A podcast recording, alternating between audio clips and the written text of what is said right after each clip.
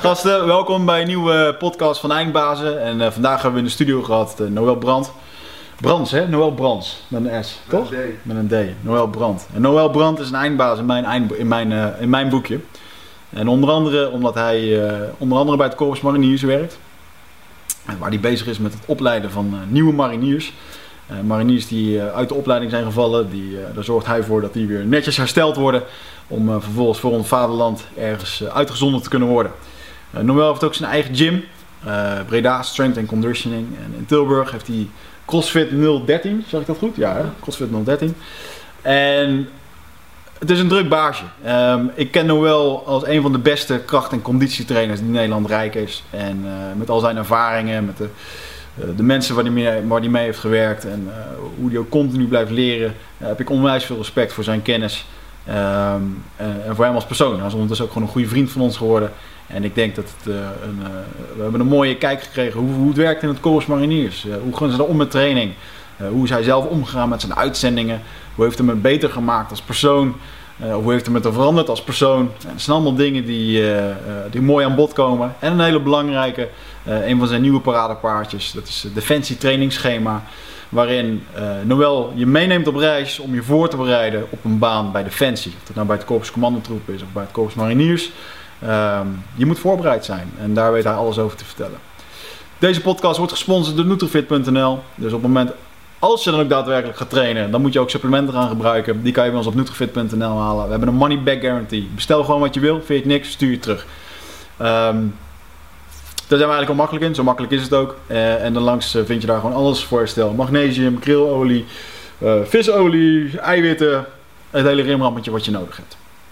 Daarnaast worden we gesponsord door Easier. En Easier.com zorgt ervoor dat we alles omtrent jouw merk vanaf social media eruit kunnen trekken. Alles met hashtags, alles van jouw accounts, van jouw profielen, van je Instagram profielen. En we kunnen dat dan op een super toffe manier doorplaatsen op je website. Uh, of bijvoorbeeld op televisieschermen of in stadions of tijdens evenementen. Noem het maar op. Daarvoor moet je even kijken op easier.com. Ik wens jullie ontzettend veel plezier met deze podcast.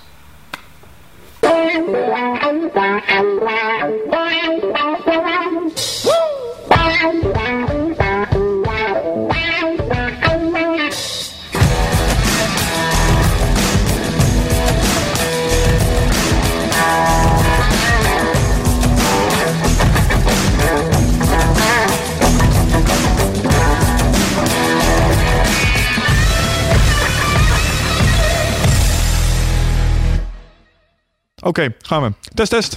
Staat dit ding aan? Hallo. Ba back once again. Fuck a ride in the pussy. Fuck a ride in the pussy. Deze gaat eruit. Nee, nee, nee, ja, Brian. Hij gaat erin. Jawel, hij gaat erin. Oké, okay, nice. Hey, uh, mensen, pak een uh, blikje Red Bull, want dit kon nog wel eens uh, snel gaan. Um, podcast 23 alweer. We gaan hard weg. Vandaag hebben we... Wat zei je? Ja, ik zit ondertussen... Ja, maar proberen thee niet over me heen te gooien. niet onbelangrijk. Um, maar het gaat hard. En uh, vandaag zit uh, in de studio bij ons uh, Noël Brandt. En um, Noël is voor mij bijzonder omdat hij degene is die ervoor gezorgd heeft dat ik eindelijk structureel boven de 100 loop. Um, iets waar ik bij nou ja, mijn andere sporten erg veel plezier van heb. En uh, voor mij was het altijd erg moeilijk om uh, aan te komen in, uh, in spiermassa. Um, ik ben twee meter en nou ongeveer een jaar of twee Twee meter sexy. Twee meter sexy. En, Dan had je gewoon niet genoeg, Michel. Nou ja, dat blijkt inmiddels wel. maar ik zat structureel onder de 85 kilo, wat gewoon echt veel te licht is. En ik heb een ja. boel dingen ge geprobeerd, van reguliere fitness tot de 4-hour body van Tim Ferriss. hoe op de cover van Men's Health in 100 dagen, al dat soort programma's. Hit Synergy. Het werkte voor mij allemaal niet. Uh, totdat ik Noël tegenkwam. Of nou, Noël en ik kenden elkaar al, maar ik eigenlijk in zijn box in uh, Breda terecht kwam. En um, ja, ik zal nooit vergeten hoe in die eerste training jij mij de moed tot ongekende dieptes in de schoenen liet zakken. Uh, tijdens, een, tijdens onze eerste training met de vraag, met de epische vraag, weet je hem zelf nog? Ben je een kotsertje? Ben je een kotsertje? En um, toen liet hij me vervolgens een soort gigantisch strijkijzer met mijn eigen lichaamsgewicht uh, over de straat heen jagen daar. Dat ding noemen ze een prowler, als ik me niet vergis. En uh, yep. toen kwamen we er redelijk snel achter dat het antwoord op voornoemde vraag ja was. Heel erg ja zelfs. Ja. Die vink mochten we zetten.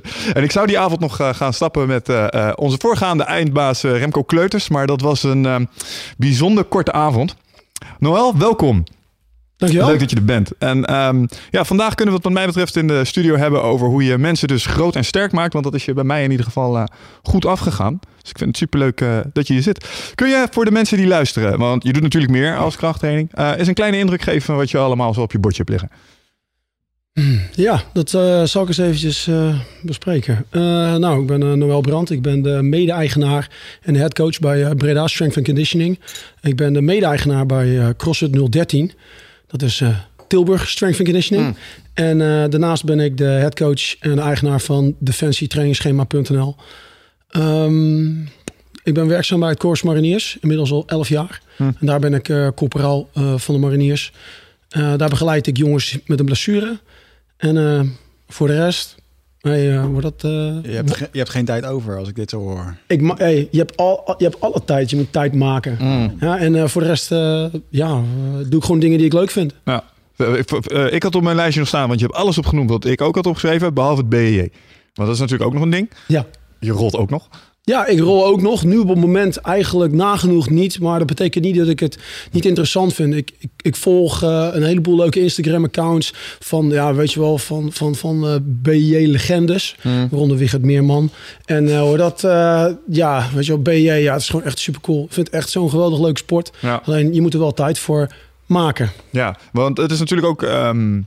Het is in ieder geval waar wij elkaar in eerste instantie van kennen. Je bent iets ja. later gaan rollen als uh, Wicht en ik, volgens mij. Maar we ja, kenden elkaar natuurlijk uh, vanuit de vechtsport. Waarbij ik jou met name altijd heb gekend als iemand die vanuit zijn uh, achtergrond van defensie veel bezig was met... ja, het leek altijd hardlopen en fietsen. Want daar ligt jou een begin...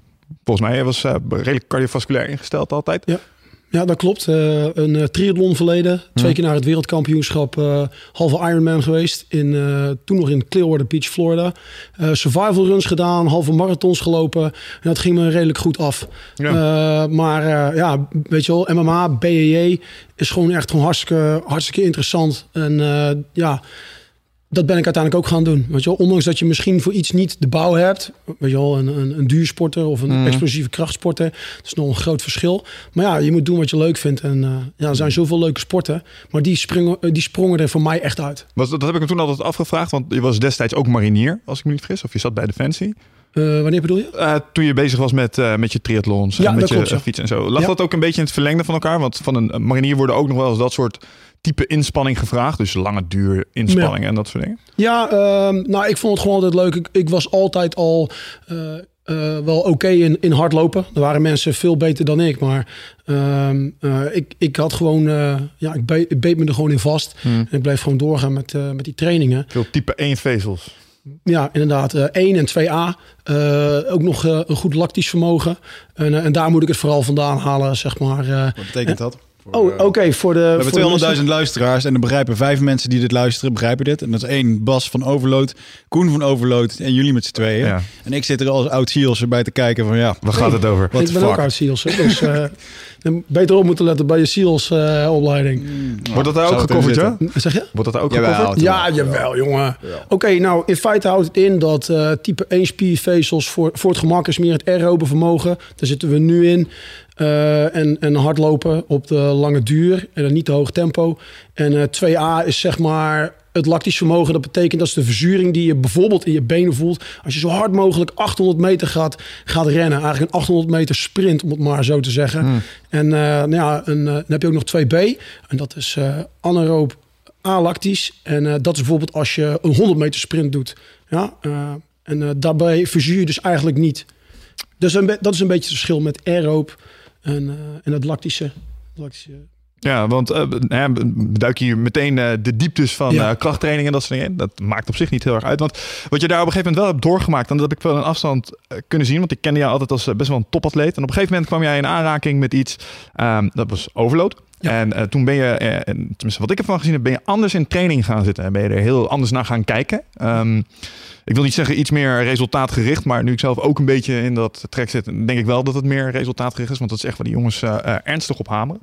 Kun je daar eens iets over vertellen? Hoe ben jij daar? want jij hebt me op dat spoor gezet. maar ik ben ook wel benieuwd hoe jij daar in eerste instantie terecht bent gekomen. Nou, hoe ik daar uiteindelijk net zoals met alles bij mij is het een heel verhaal, maar de... de Daarvoor zit je hier, jongen. Ja, inderdaad.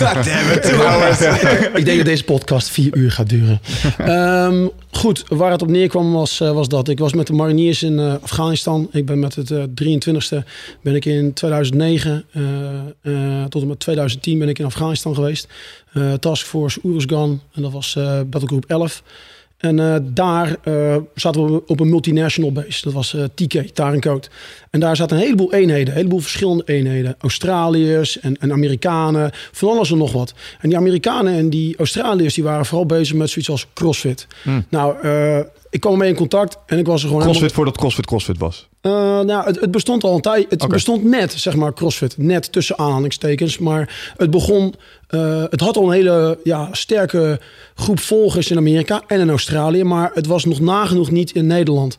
Nou, uh, ik had er nog niet van gehoord. En ik was al een beetje aan het spelen met kettlebells van Steve Maxwell.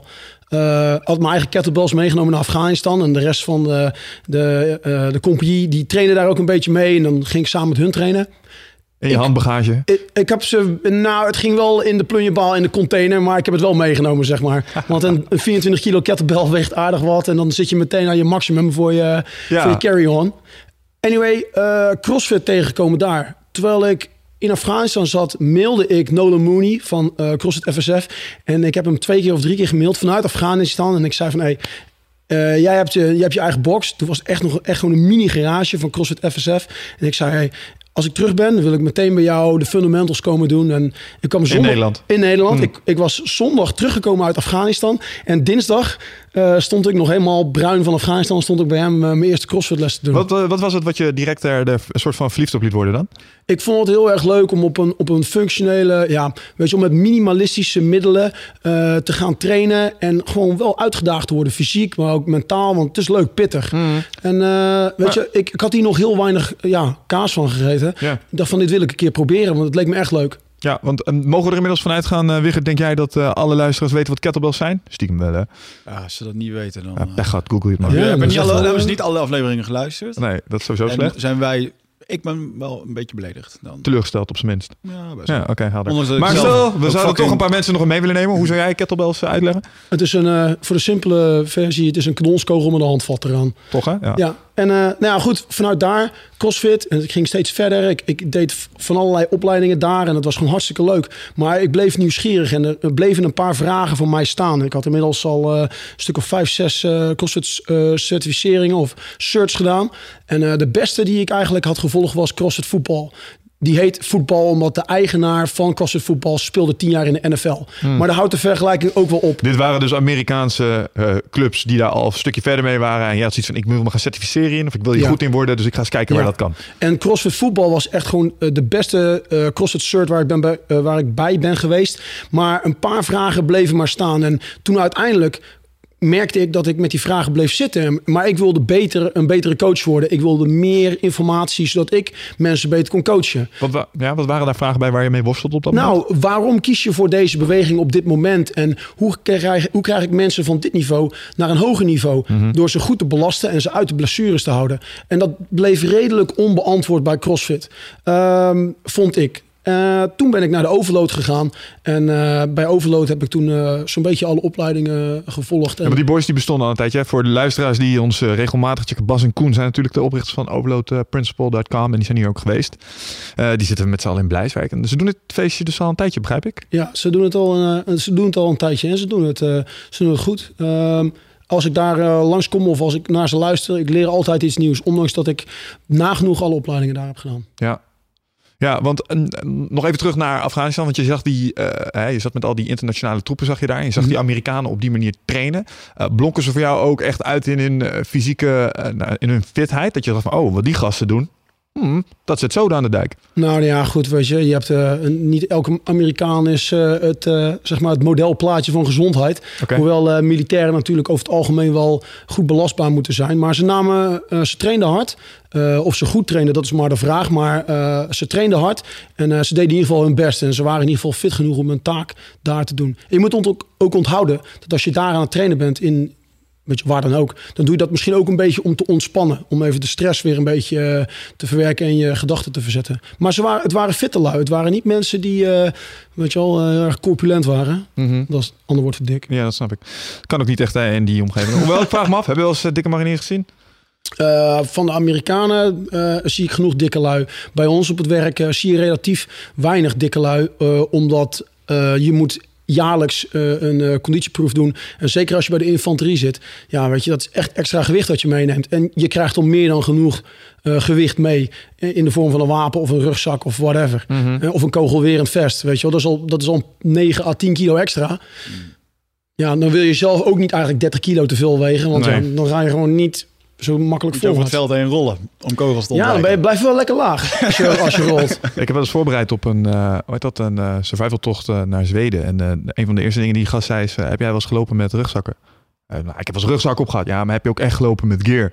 Met je tent, met je kookspullen, met je water, met je eten, alles erop. Dan, ik zeg, ja, hoeveel zou het zijn dan? Hij zei, dat is 20 kilo. Ik denk, ja, 20 kilo, dat lukt je wel. Nou, succes. Wij de postbank op in Arnhem.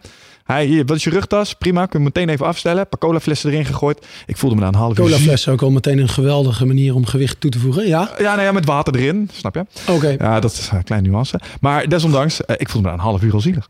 Ja, maar had je een heupband? Ehm, ik denk het wel, maar dat helpt natuurlijk een boel. Ja, dat, ja, natuurlijk. Ja, of je het met je schouder stil 20 kilo of met je heup, dat scheelt al een hoop. Moet je nagaan als het de dubbele is, 40 kilo. Oeh. En je hebt me ook wel eens verteld, en dan als je pech hebt, dan mag je ook het, eh, het grote geweer meenemen. En dat weegt ook iets. Ja, het machinegeweer. Als je bijvoorbeeld de mag hebt en die weegt eh, ja, rond de 10 kilo. Ja, dan hangt het ook aan de voorkant zo.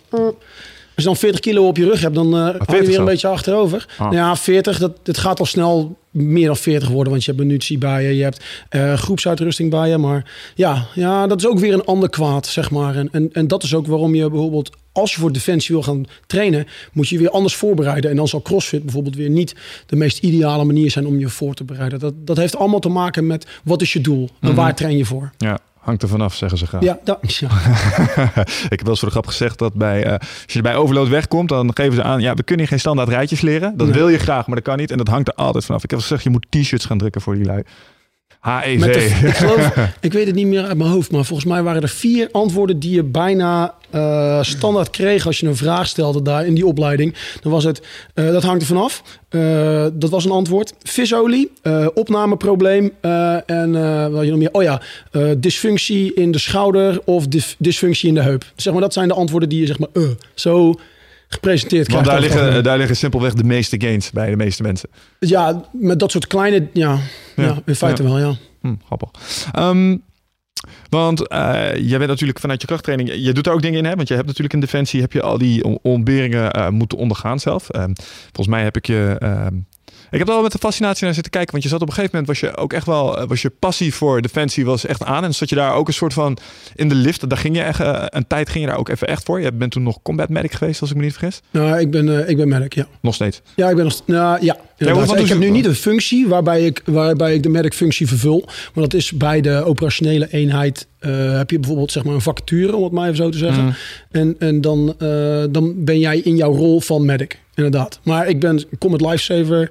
eh daar heb ik de opleiding voor gevolgd. En ik heb de opleiding voor medic eh, gevolgd. Ja, en daarmee ben je destijds ook uitgezonden geweest Ja. in, in die hoedanigheid. Ja, precies. En eh, nu, op het moment dat je bij Defensie zit, nu ben jij instructeur volgens mij? Ja, instructeur fysieke training bij de, bij de eh, RTG. Dat is de Remedial Training Group. Ja. Betekent, je zit in de mariniersopleiding. Hm. Je valt uit met een blessure.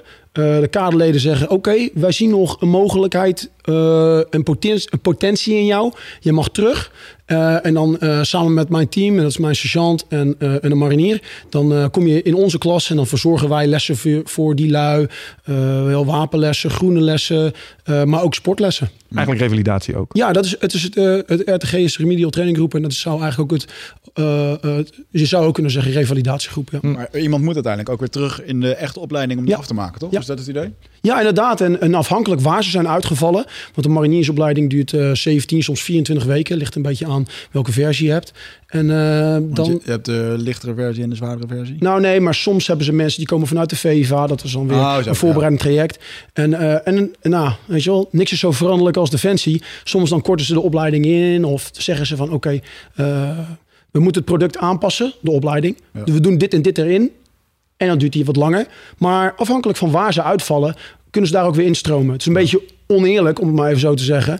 Als een jongen uitvalt in de eindoefening en ze laten hem weer in week 1 beginnen. Ja. Dat kan gebeuren, maar over het algemeen proberen ze maatwerk te leveren. Want je werkt met allemaal individuen. En ik denk dat als je goed werk wil leveren, moet je maatwerk leveren. Ja, maar hoe moeilijk is dat als je ehm, daar naartoe gaat? Je, en je moet op een gegeven moment eerst het kaf van het koren scheiden. Dat doe je onder andere door eh, fysieke eh, in, inspanning. Ja. Daar vallen de eerste bij af. En vervolgens, eh, en volgens mij heb ik dat al eens met jou besproken, is de ouderwetse manier van trainen en van het mariniers bootcamp. Ja, op een gegeven moment ben je mensen wel gewoon eigenlijk de vernieling aan het helpen. Het is een, sommige gevallen. Ja, daar heb je ook deels gelijk in. Ja, daar heb je gelijk in. Ehm, maar voordat ze überhaupt aankomen bij ons, in, in, in dit geval in Rotterdam, bij de organisatie, hebben ze een mast gedaan. En een mast is de mariniers aanname- en selectietest. Die is eh, drie dagen. En dat is al voordat ze naar Amsterdam zijn geweest, voor de algemene keuring. Hebben ze al zoveel gedaan. In die mast eh, worden ze al eh, getest op hun inzet, op hun eh, belastbaarheid. Ze moeten de touwbaan over. Ze moeten een, een soort heel circuit om en rond de Brienenoordbrug doen... waar ze moeten rennen met zandzakken en jerrycans en met palen. Ze moeten kunnen touwklimmen, ze moeten kunnen zwemmen. En dat maakt niet uit of je het nog niet allemaal kan. Want je hoeft nog geen marinier te zijn om in de mariniersopleiding te gaan zitten. Maar het, er moet iets zijn waarbij jij zegt... Ik ga mijn best doen. En ook al ben ik naar de kloten, ik, ik ga gewoon eh, laten zien dat ik dit wil. En ik laat een visitekaartje achter van... hey, dit is mijn sollicitatie om mariniersopleiding te mogen starten. Ja. Dit is wie ik ben en ik, ik geef niet op. Nou, dat hebben ze gedaan. Dan zijn ze gekeurd in Amsterdam. En daarna komen ze... eh, dan verschijnen ze voor eh, de zoveel weken mariniersopleiding. Dus er is echt wel een screening geweest. Maar ja, dan nog... Ja, je kan het vergelijken met een soort ja, topsport, om het maar zo te zeggen. Want militair zijn is ook topsport. En dat maakt niet uit welk onderdeel. Want het korps commandotroepen, dat is ook zwaar. Luchtmobiel is ook zwaar. Eh panzerinfanterie kan ook zwaar zijn. Het, het ligt er gewoon aan, wat is jouw niveau? Eh, en waar ligt jouw plafond? En ben jij bereid om daar naartoe te gaan? En eh, ja, het, het is gewoon zwaar, weet je. Maar we proberen altijd mensen heel te houden. Want het doel is niet slopen. Nee. Het doel is dat we jongens opleiden en sterker maken. Want ik kan me voorstellen dat je op een gegeven moment bij eh, een periode van intense belasting, dat in één keer uh, scheenbeenvliesontsteking ontstaat, eh, Ja. hè, de, de, de bekende perikelen. Ja. Ehm, eh, want hoe lang is de, ehm, de opleiding? Is 17 of 24 weken? Ja, ja, ja. Als je vier, hoe ziet zo'n opleiding eruit? Als je 24, 24 weken. ja, laten we even zeggen 24. Vind ik best kort eigenlijk. Nou, Ja, ik snap wat je bedoelt. Eh, als je ook kijkt, het is ook relatief kort. En je moet een heleboel doen in die 24 weken. Maar ik ga je wel, wel, eh, ik ga je wel vertellen, Mies. Dat zijn de langste 24 weken van je leven. en ehm, we, we beginnen eigenlijk nu, hoe het er nu uitziet... is ze beginnen ze met drie weken lang op Texel. Dan zitten ze op het Temptation Island, Texel. Ja, het eiland van je dromen. En daar, daar ga je gewoon in een overal... ga je daar gewoon, eh, gewoon in, een, in een boogtent of in harde behuizing. Gewoon, weet je wel... eh, Gebouwen. Ga je gewoon, eh, daar ga je gewoon eh, leren wat het is om eh, ja, toch wel met wat minder luxe en niet je familie en, en social media of je telefoon om je heen echt met een team te leren samenwerken. Van oh oké, weet je, dit is heel jouw wereld nu. Eh, die drie weken Tessel en je hebt je buddies om je heen en daar moet je het mee doen. Eh, dat is bijvoorbeeld waar ze mee beginnen. En vanaf daar gaan ze weer terug naar Rotterdam na die drie weken. En in, in het begin mag je ook niet stoppen. Weet je wel, mensen willen heel graag stoppen, vooral in het begin. Oh, dit is toch niet wat ik wilde. Dit is toch niet zoals eh, Call of Duty. Ja. ja, dit is toch niet wat Op ik had tv verwacht. zag het er beter uit. Ja, in op, bij Call of Duty was het wapen niet zo zwaar als ik het op moest tillen. Ja. Ehm, het is dus heel erg wennen. Groeps, groepsvorming, het hele groepsproces begint te lopen. En die mensen moeten komen erachter hoe ze zelf in elkaar zitten. Want als jij 18 jaar bent, of je bent misschien iets ouder, misschien 22, 24... dan, dan, dan met 24 weet je al een beetje wie je bent. Over het algemeen. Met 18 ben je nog een beetje zoekende. En dan ga je er gewoon achter komen. Oké, ik heb het nu koud. Oké, ik heb nu honger. Oké, het is, eh, ik ben alleen. Ik ben verdwaald. er is geen borstvoeding. Zeg je? Er is geen, geen borstvoeding. Nee, er zijn redelijk weinig dames. vinden. en en eh, nou, dat is dus zeg maar de eerste fase van de opleiding. De tweede fase leer je meer het militaire werk. En het komt er langzaam steeds meer skills en drills in. En tactieken komen erin. Meer verplaatsingen, langere verplaatsingen.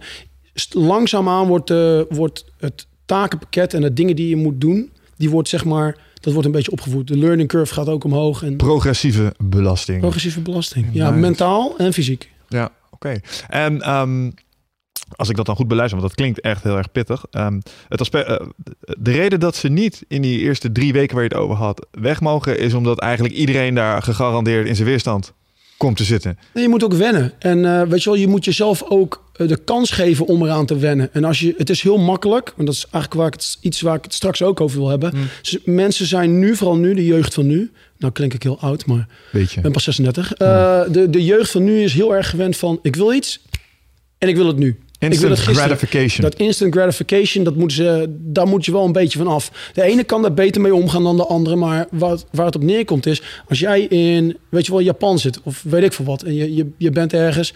jij appt maar een foto van... hé, hey, kijk, leuk, bla, bla, bla. Dit ben ik aan het eten. Mhm. Een paar seconden later, via WhatsApp... komt het bij mij binnen. Hopsakee, het is er in één keer. En het wordt steeds moeilijker om te zeggen van... oké, ik ga nu iets doen... waar ik pas over 24, 17 weken, whatever dan ga ik daar pas de vruchten van plukken. Ja. En dat is gewoon heel moeilijk. Je moet jezelf even uit je comfortzone halen en investeren. En dat is fysiek en mentaal heel moeilijk. En daarom dat ze drie weken lang eerst binnen worden gehouden. Nee, probeer het nou gewoon eerst even. Je mag nog niet weg. We gaan je niet eerder naar huis sturen. Weet je, dat is ook een beetje om uh, ze tegen zichzelf te beschermen. Maar dat, wordt, dat wordt dan ook echt niet gedaan. Je mag ook gewoon niet weg. Nou. Uh, nee, je mag ook gewoon niet weg. Maar je moet onthouden, we zijn geen dienstplicht meer. Hè? Jij kiest ervoor om hier aan deel te nemen. Oké, okay, dude, geen ja. probleem. Maar dan ben je er ook van. Mm. En dan is het ook gewoon van, uh, nou, vind niet leuk. Het regent. Nee, ik ga weg. Nee. sucks to be you. Ja, ja nou dat. Enjoy the suck. Ja, ja. En Heerlijke anekdotes. Ja, maar ik kan me wel voorstellen dat dat uh, ernstig uh, ja, digitaal detox is. Maar uh, ja. was dat toen jij dit allemaal door, door moest, was dat toen ook al relevant?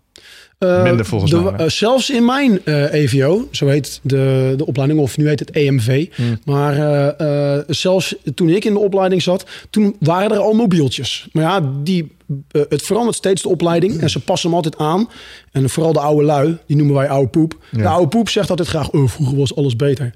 Dude, vroeger hadden we kruisbogen en die hebben we nou ook niet meer. Dus het was niet altijd beter vroeger. Hmm. Uh, ik had wel mijn mobieltje en die moest ik ook gewoon in, inleveren. Die was drie weken was die gewoon kwijt. Ja. Nou, als je dat nu doet, dan worden een paar lui al helemaal zielig en dan willen ze al stoppen omdat ze drie weken lang niet hun mobieltje in handen hebben. Hmm.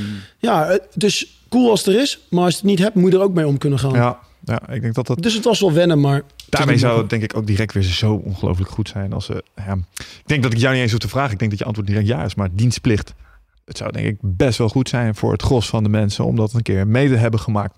Nee, hangt er vanaf. Ja, oké, okay, waar vanaf dan? Ik zou zeggen van sommige mensen die willen echt niet. Snap je? Die willen dat gewoon niet, want het komt niet uit. Of, ik bedoel, het komt niet uit vanwege privéreden of zo, weet je wel. Mm. Misschien, misschien moet wel een, een gozer voor zijn zusje zorgen of zo, weet je wel. En die kan niet weg met dienstplicht, omdat, weet je, er is dan bijvoorbeeld geen vaderfiguur of er is geen moeder of whatever. Ja, oké. Okay. Snap je? Ja, dus ja. dienstplicht zeg ik nee, want uh, ik zeg wel dat een vorm van verantwoordelijkheid wel heel goed is. Of even leren uh, met minder uh, te doen. Maar je moet mensen dat niet verplichten. Want als je mensen dingen verplicht, dan kan je eigenlijk nooit verwachten dat ze er zelf achter staan. En zeker bij commando's, mariniers, luchtmobiel, de wat zwaarder, de beter getrainde eenheden, om Mhm. maar even zo te zeggen. De wat zwaardere eenheden, daar moet je er best wel veel voor over hebben. En als je dat vanuit jezelf wil, dus intrinsiek gemotiveerd, dan komt dat denk ik beter naar buiten. Dan krijg je wat beter resultaat, denk ik, dan van jij gaat nu dit doen. Ja. Dag. Mhm. En dan krijg je dat je een beetje aan zo'n dood paard loopt te trekken. Van kom, doe je best, dude. Ja, dat snap Ja. ik. Maar heb je niet de indruk dat een aantal van de ontberingen die jij hebt meegemaakt, je gevormd hebben, een stukje karakter hebben gebouwd? En dat eh, sommige mensen van de generatie achter ons ah, misschien wel heel veel baat zouden kunnen hebben bij een stukje van die mentaliteit? Ja, dat, dat denk ik wel. Maar wie ben ik om te bepalen hoe mensen hun leven moeten leiden? Dat moeten ze voor zichzelf bepalen. Want eh hey, jouw harnas past mij niet. Mede omdat je twee meter bent Snap en eh, ik. 100 kilo sexy. Maar hoor, dat, eh, ja, weet je eh, harnas past mij niet. Weet je wel. Iedereen doet gewoon zijn ding. En, en je moet doen waar je gelukkig van wordt. En als jij denkt, ik word gelukkig van koud, nat, alleen en hongerig te zijn... in een of ander eh, wazig land met een rugzak op mijn rug... dan moet je dat lekker doen. Ja, want vooralsnog is het geen promotieplaatje voor Defensie. Maar wat is, eh, waarom zou je het wel doen als ik dit dan beluister? De reden dat ik bij Defensie ben gegaan is omdat ik voor mezelf wilde weten of ik het kon. Ik wilde de uitdaging aan. Ik wilde kijken van oké, kan ik dit? En toen ik in de opleiding zat, toen veranderde dat. Zeker toen ik het uiteindelijk had gehaald en ik, en ik ging operationeel. Toen, toen zijn mijn ideeën daarbij zijn veranderd. Ook volwassener geworden, zeg maar. Maar je begint altijd, ze zeggen, kijk niet naar de beret. Daar doe, je, daar doe je het niet voor. Iedereen doet het voor de beret in het begin. Op een gegeven moment haal je het en dan gaat het om iets anders. Dan gaat het om het teamgevoel. Dan gaat het om, je, om jouw club, om jouw squadron, om jouw sexy om whatever. Hoe noemen jullie burgers ook weer? Kubus?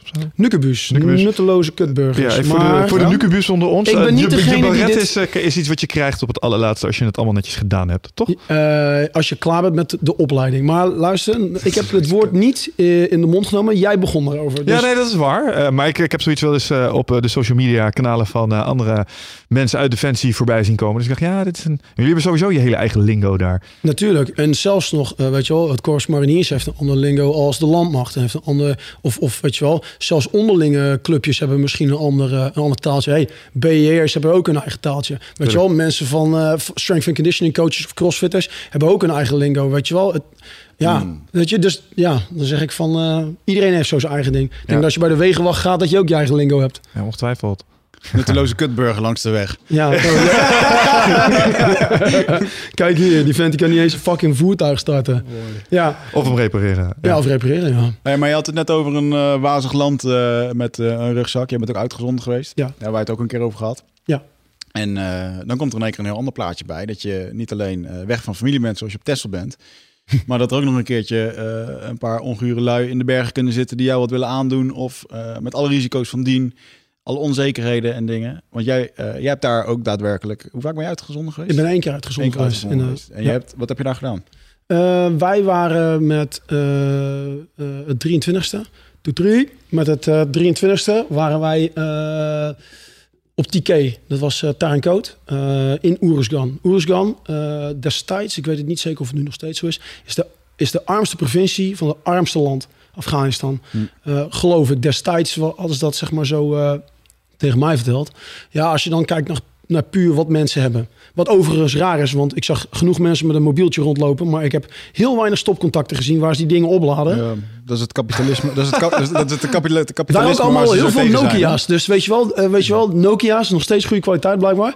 Maar eh, wat ik daar heb gedaan is, ik, ik ben daar uitgezonden geweest eh, samen met mijn team en met mijn, met mijn, ja, met mijn battlegroup. En eh, daar hebben wij geprobeerd om meer stabiliteit in de regio te krijgen met de coalitie. En dat was dus zeg maar eh, ISAF. Ehm, De lokale politie slash Nee, de, zeg maar wel de, de, nee, de coalitie. Zeg maar, daar probeerden Ah, oké, wij sorry, zeg ja, maar ja, ja, oké. veiligheid te creëren, zodat wel meisjes gewoon naar school konden, zodat eh, vrouwen gewoon rond konden lopen zonder hun man, zonder dat ze gestenigd werden of geslagen werden of weet ik veel wat.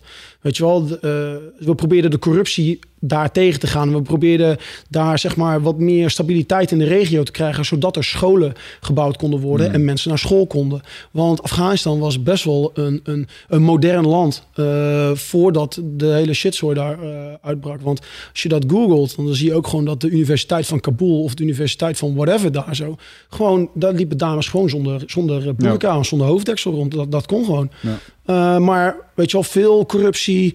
Uh, uh, weet je wel, voor welke reden we ook die kant op zijn gegaan, weet je wel. Ik denk dat, dat we daar wel goed hebben gedaan om, om het leven wel wat beter te maken en de, de kwaliteit van het leven wel ietsje ja, beter te maken. Hoe raar is dat om daar rond te lopen en dan te beseffen dat de dingen die wij hier zo vanzelfsprekend vinden, hè, dat je gewoon veilig over straat kan, maakt niet uit of je man, vrouw, je kan overal heen waar je wil, mm -hmm. zonder enige problemen. En dan, dan kom je daar en dan zie je dat mensen gewoon een angst hebben eh, en bepaalde dingen niet moeten doen. Ik, ik bedoel, het moet ongelooflijk goed voelen, denk ik. Ook als je ziet dat mensen hun gedrag gaan aanpassen omwille van je aanwezigheid daar.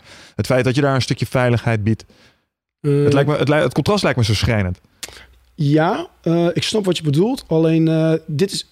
Afghanistan is een heel complex land. En ik wil niet te veel, weet je wel, allerlei politieke uitspraken doen vanuit mm. mezelf. Maar um, weet je, het is echt gewoon. Er zijn mensen met veel betere hersens die hier, weet je wel, genoeg dingen over hebben geschreven. Maar wat ik heb gedaan vooral was, ik wilde gewoon een betere. Ik wil voor de tijd dat ik daar was, wilde ik gewoon alles eraan doen om al mijn collega's leven terug te krijgen. En ik wilde een, voor de tijd dat ik daar zat, wilde ik verandering brengen voor de bevolking waar ik mee te maken had. Mhm. Mm -hmm. Weet je wel, dus ook al heb ik maar voor de 4,5, 5 maanden dat ik daar zat, uh, heb ik gewoon geprobeerd om het leven daar voor de bevolking ietsje beter te maken. Ik heb uh, oorlogstrauma moeten behandelen. Ik heb uh, ik heb dingen gezien die gewoon, ja, weet je wel, je echt zoiets had van fuck, weet je wel, hier kan ik niks aan doen. En Zoals? als je, zeg je, Zoals? waar je niks aan kan doen? Ja. ja waar vond je, ik kan me best voorstellen, kijk, want ik, um, ik vind het fantastisch wat mariniers, commando's, uh, andere troepen doen. Um, ik ben niet altijd voorstander van de reden voor de mensen die erboven staan, die, eh, die die gasten daar naartoe sturen. Mhm. Maar ik kan me wel voorstellen dat je daar staat met een hoop kennis en een hoop paraatheid. En, en een van de gasten die ik hier nog heel graag in de studio een keer zou willen hebben, dat is, uh, ik ben zijn naam kwijt. Meneer Karmans. Meneer Karmans, ja. Uh, Tom Karmans, toch? Ja. ja. Um, wat eigenlijk een voorbeeld is van, ja, die heeft gewoon, die is eigenlijk gewoon beperkt geweest in de keuzes die hij kon maken. Mhm. En die heeft daar eigenlijk gewoon een flinke prijs voor moeten betalen. Voor of achteraf, hoe dat het dan ook zit. Ja. Um, en dat moet hetzelfde geweest zijn voor jullie. Als jij daar op een gegeven moment staat, je hebt niet overal uh, zomaar toezegging voor om dingen te doen. Maar ja, je ziet in één keer wel een hoop shit gebeuren waar je denkt van ja, kut, dit, uh, als ik het had mogen doen, had ik anders gedaan. Ja, uh, kijk, je, je doet wat je kan, zo goed mogelijk. Hmm. Want je kan niet zeggen, je kan niet daar in een ander land met andere normen en waarden, onder regels die jou worden opgelegd, kan je niet zelf zeggen van uh, fuck it, ik moet het op die manier doen, maar mij komt het, ik wil dit, dus we gaan dat doen. Maar dan valt de hele structuur van Defensie weg. En van de chain of command valt gewoon weg. Ik heb een opdracht gekregen van mijn corporaal. Die heeft de opdracht gekregen van zijn sergeant, van zijn LT, whatever. En wij, uh, zijn er al als team en je probeert er het beste van te maken. Weet je, ik kan niet... Uh, ik heb een meisje behandeld en uh, toen ik als medic daar in, een, in een dorpje kwam... was het ook van, oké okay, medic, kom even deze kant op en behandel even deze local. Nou, ja, wat is er mee gebeurd? Klein meisje. Wat is er mee gebeurd? Ja, been in het uh, wiel van de fiets. Ik zei, oké, okay, nou, ik loop erheen. Ik kijk, ik zo, nou, dat ziet er niet uit alsof een, het been in het, in het wiel van de fiets heeft gezeten. Dat zag er gewoon uit als een brandwond. Ja, en uh, dan, dan denk je ook van, oké, okay, dat klein meisje, uh, mm. wat is daarmee gebeurd, weet je? Ja. Heeft, uh, bij wijze van spreken heeft die vader gewoon het kind opgetild en gewoon in kokend heet water of kokend ja. heet olie gezet, omdat het niet wilde stoppen ja. met huilen. Ja, wie ben ik dan om te zeggen, hé, hey, waar is die vader? Want dan... Die, die, nou, nee, die stomp ik even in elkaar. Dat kan je niet maken. Je hebt een bepaalde set regels en daar werk je gewoon zo goed mogelijk mee. Mhm. En natuurlijk kan sommige dingen kunnen frustrerend zijn, maar dat heb je hier ook. Weet je wel? Ja, van, ja, weet je, dus je, je, je moet gewoon, uh, gewoon je, doe gewoon je best en doe wat je kan. Ja. Dat is wat ik daar heb gedaan. En, en, natuurlijk waren sommige dingen frustrerend. Maar weet je, dat was niet alleen voor mij. Dat was voor de rest van de club ook zo. Mm. Maar je, je, doet gewoon wat je kan. En hoe dan ook. Ik ben tevreden over wat ik daar heb gedaan. En ik, ik ben uh, heel blij dat ik de kans heb gehad om daar naartoe te gaan en dat mee te maken. Want wat jij net zegt, over dat je waardeert wat je hier hebt. Ja. Dat is alleen maar meer geworden nadat ik terug ben gekomen uit Afghanistan. Ja. Ja, het heeft mij absoluut veranderd, maar niet blessings. negatief. Ja. Ja. het heeft me absoluut veranderd. En, en weet je, je moet ook mazzel hebben om op uitzending te gaan, mazzel. Je moet uh, het geluk hebben om het werk te kunnen doen waar je voor bent opgeleid. Is dat niet de droom van elke soldaat? Eigenlijk. Dat, nu ga ik even iets zeggen. Dat zou het wel moeten zijn. Ja. Maar weet je, wel, sommige mensen die gaan bij Defensie en die weten nog niet of ze dit willen. Ja. Weet je, er zijn ook mensen, ik, ik weet van, van bepaalde onderdelen dat mensen in de opleiding zaten. Dan kregen ze te horen, oké, we gaan naar Irak of we gaan naar Afghanistan. En toen, zeiden, toen pasten een paar mensen die bijvoorbeeld in de opleiding zaten, zeiden van, oh, maar dat wil ik niet. Weet je wat, laat maar. Dat, dat kan. En, en weet je wel, wie ben ik dan om iets over die mensen te zeggen? Ja, ik snap het wel. Ja, eh, heb jij zelf, eh, heb je zelf eens te maken gehad met eh, angst daar? Op het moment dat je, of dat je erheen moest, dat je het echt spannend vond? Want je gaat natuurlijk een Ja, oorlogsgebied in. Ja, natuurlijk. Iedereen die zegt dat hij niet bang is, terwijl hij liegt. die kant op gaat, die, die, nou, daar is of iets mis mee, of, dat, of, of die liegt. Misschien een beetje. Ja. Maar weet je wat het verschil is tussen bang zijn? Het, eigenlijk is het gewoon dit. Wel moed is bang zijn en het toch doen. Ja. Nou wil ik niet zeggen dat ik moedig ben. Ik, ik wil wel zeggen dat ik een heleboel collega's heb die heel moedig zijn. Want eh, ik, ik kon de dingen doen die, die wij moesten doen. Die kon ik alleen maar doen omdat ik een goed team om me heen had. Eh, en, en dat zijn ook echt gewoon vrienden voor het leven. Zeg maar, weet je, als ik hun zie, en sommige zie ik echt niet vaak. eh, maar als ik hun zie, dan is dat, dat is echt gewoon een band op een ander niveau. Ja. Want je, je weet gewoon echt, een paar, ik heb iets van vier of vijf momenten gehad dat ik echt dacht van oké, de volgende stap zal wel eens de laatste kunnen zijn. Weet je, eh, en het, het is echt heel erg moeilijk. Maar dan weet je, je- je buddy staat naast je. Mhm. En, en weet je, hij gaat door en ik ga hem niet in de steek laten. Dus we gaan gewoon door. En dat is even spannend. Ja. En, en, en iedereen ervaart een uitzending anders. Wij zouden met z'n drieën in dezelfde team kunnen zitten. Dezelfde opdracht hebben gedaan. Overdag, s'nachts. Overdag of s'nachts. Ergens eh, in een gebied waar Taliban zat. En dan kan jij de uitzending heel anders ervaren als jij en als ik. Want iedereen is anders. Maar het, het, natuurlijk, iedereen heeft het spannend. Iedereen Mhm. heeft echt... Ik heb... eh, Je hebt er ook een eh, riskant momentje gehad met een auto, hè? Die, eh, als je dat wil vertellen, tenminste dat verhaal ken ik. Oh, dat is wat. eh, ja, dus toen waren we er net. En eh, eh, ja, oké, ik, ik, ik denk dat je dit bedoelt. Want ik heb genoeg riskante momenten meegemaakt. Nou, zo. waarbij Maar- de... oh, dat- ja, dat is ja. eh, over die ICOM kwamen. Ja, ja, ja. Oké, de ICOM is zeg maar een soort middel van communicatie voor, voor de, de Taliban. En ehm eh, wij waren toen net in het gebied. We waren bezig met wat wij noemden de overname van de club die wegging. En wij die het gebied inkwamen. En dan ga je een beetje samenwerken, om, zodat je een beetje een feeling krijgt van, weet je, hoe is de situatie? Overdracht eigenlijk. Ja, overdracht en, en, en hoe, hoe, hoe werkt het hier in het gebied, weet je wel. Je moet echt een beetje eh, een, een feeling krijgen met het gebied. En eh, wij waren er toen echt nog net. En toen hoorden wij over de ICOM, want een, een, eh, een, een, eh, Tanjiman, dat is zeg maar gewoon een, een tolk, die loopt met die ICOM en die kan dat ook horen wat er wordt gezegd, wat, de- wat de Taliban Hun verzet. lines zijn niet echt secure. Nee, ze werken niet heel erg met, eh, met eh, vercijferde of... eh, Gewoon iedereen kan meeluisteren. Ja. Ja, dat is zeg maar meteen een voor- en een nadeel. Hm. Maar ehm, Ja, ze kunnen je ook valse info geven natuurlijk. dat, dat gebeurt ook, tuurlijk. Ja. En toen was het ineens over de, over de ICOM kregen we te horen dat er een, dat er een, een VBIT, een Vehicle-Borne IED, rondreed. Dat was gewoon bijvoorbeeld een pick-up waar bijvoorbeeld explosieven in zaten. Ah. En zo, toen hadden ze het zeg maar over, ja, we zien nu de mannen van de zee. Dat is zeg maar de, de, de naam die ze de mariniers hadden gegeven in Afghanistan. Ehm, ja, ja, we, we, houden ze in de gaten, we zien ze nu bewegen, bla bla bla. Toen kregen we dus ook te horen dat er dus een, een vehicle-borne vehicle-borne IED rondreed in het gebied. En het was best wel vervelend, want dit was echt de eerste of de tweede patrouille. En eh, ondertussen begonnen wel zeg maar eh, voertuigen onze kant op te rijden. Dus dat, ja, de, de dreiging is daar redelijk hoog. Dus dan heb je echt zoiets van, oh shit, Ja. gaat dat... eh, Shit just got real. ja, shit just got real. Ja, weet je, ja, weet je maar je moet gewoon rustig blijven. En het valt allemaal mee. Maar zeker als het je eerste uitzending is... en het is de eerste of tweede patrouille... ja, dan zie je alleen maar... dan zie je overal spoken, zeg maar. Maar ja, uiteindelijk viel het mee, gelukkig. Maar dat was zeg maar niet de ernstigste situatie die we, Nee. we hebben. We hebben het nog wel voor onze kiezer gekregen. Nou, dat, is niet, eh, dat was trouwens niet het verhaal wat ik bedoelde. Want je hebt een keertje ergens eh, bij iemand eh, die eh, ehm, op aanwijzing van jullie ergens niet heen moest rijden, maar dat toch deed vervolgens uit Ja. een auto mogen plukken. Ja, dat was, dat was weer een andere instantie waarbij ehm, ik zat op eh, de kop, dat is de Combat Outpost. Eh, zaten wij eh, op uh, Kop de Bar, zaten wij. En ehm, toen was er een ANP-patrouille. ANP staat voor Afghan National Police eh, patrouille. Die zaten gewoon in zo'n Toyota Hilux. Reclame voor Toyota. Nou, eigenlijk niet, want dat is, het liep niet heel goed af. Er werd zeg maar gesweept door, de, door onze assault engineers. En die waren op zoek naar ingegraven Dus is onderzocht. Gesweept is inderdaad met zo'n met zo'n sweeper, met zo'n pieper. Zo'n metaaldetector of explosieven, eh, waar ze explosieven mee proberen uit de grond te trekken. Ja, dat doen ze bijvoorbeeld door te kijken, is er iets met de grond gebeurd of whatever. Ehm, ze waren dus zeg maar het pad vrij aan het maken, waarbij zij denken, oké, hier kan wel iets liggen, want hier lag regelmatig al iets. Dus dan heb je zoiets van, oké, hier gaan we even kijken. En ehm, nou, weet je wel, de Afghanen zijn uh, sommige dingen best wel ja, uh, anders. Lees laks. Uh, in onze ogen zijn ze dan laks. En het duurde iets te lang voor, voor, dit, uh, voor de bestuurder van dit voertuig. En er zaten met z'n vieren zaten ze in dat voertuig. En ze besloten van, oké, okay, duurt te lang, we rijden wel gewoon om. Dus zij, zij reden uit het spoor van de andere voertuigen, reden om. En uh, reden via een andere route. En daar lag dus een ID, die werd dus afgezet. En ja, toen was het voertuig opgeblazen met de vier inzittenden erin. Ja, en, en dan... Uh, maar wacht even, even in het kader dat ik het goed snap, hè? ook in, om termen van natuurlijke selectie. Je staat in een rij voor een stel gasten die bommen aan het opruimen is op de weg waar jij op rijdt. Nou, de route. Er is, de, zijn heel de, weinig... Oh, ja, ik stel mij een weg voor. Ik zie allemaal keurig in mijn hoofd allemaal autootjes achter elkaar staan. En er staan een paar van die mariniers die zijn bezig met de weg.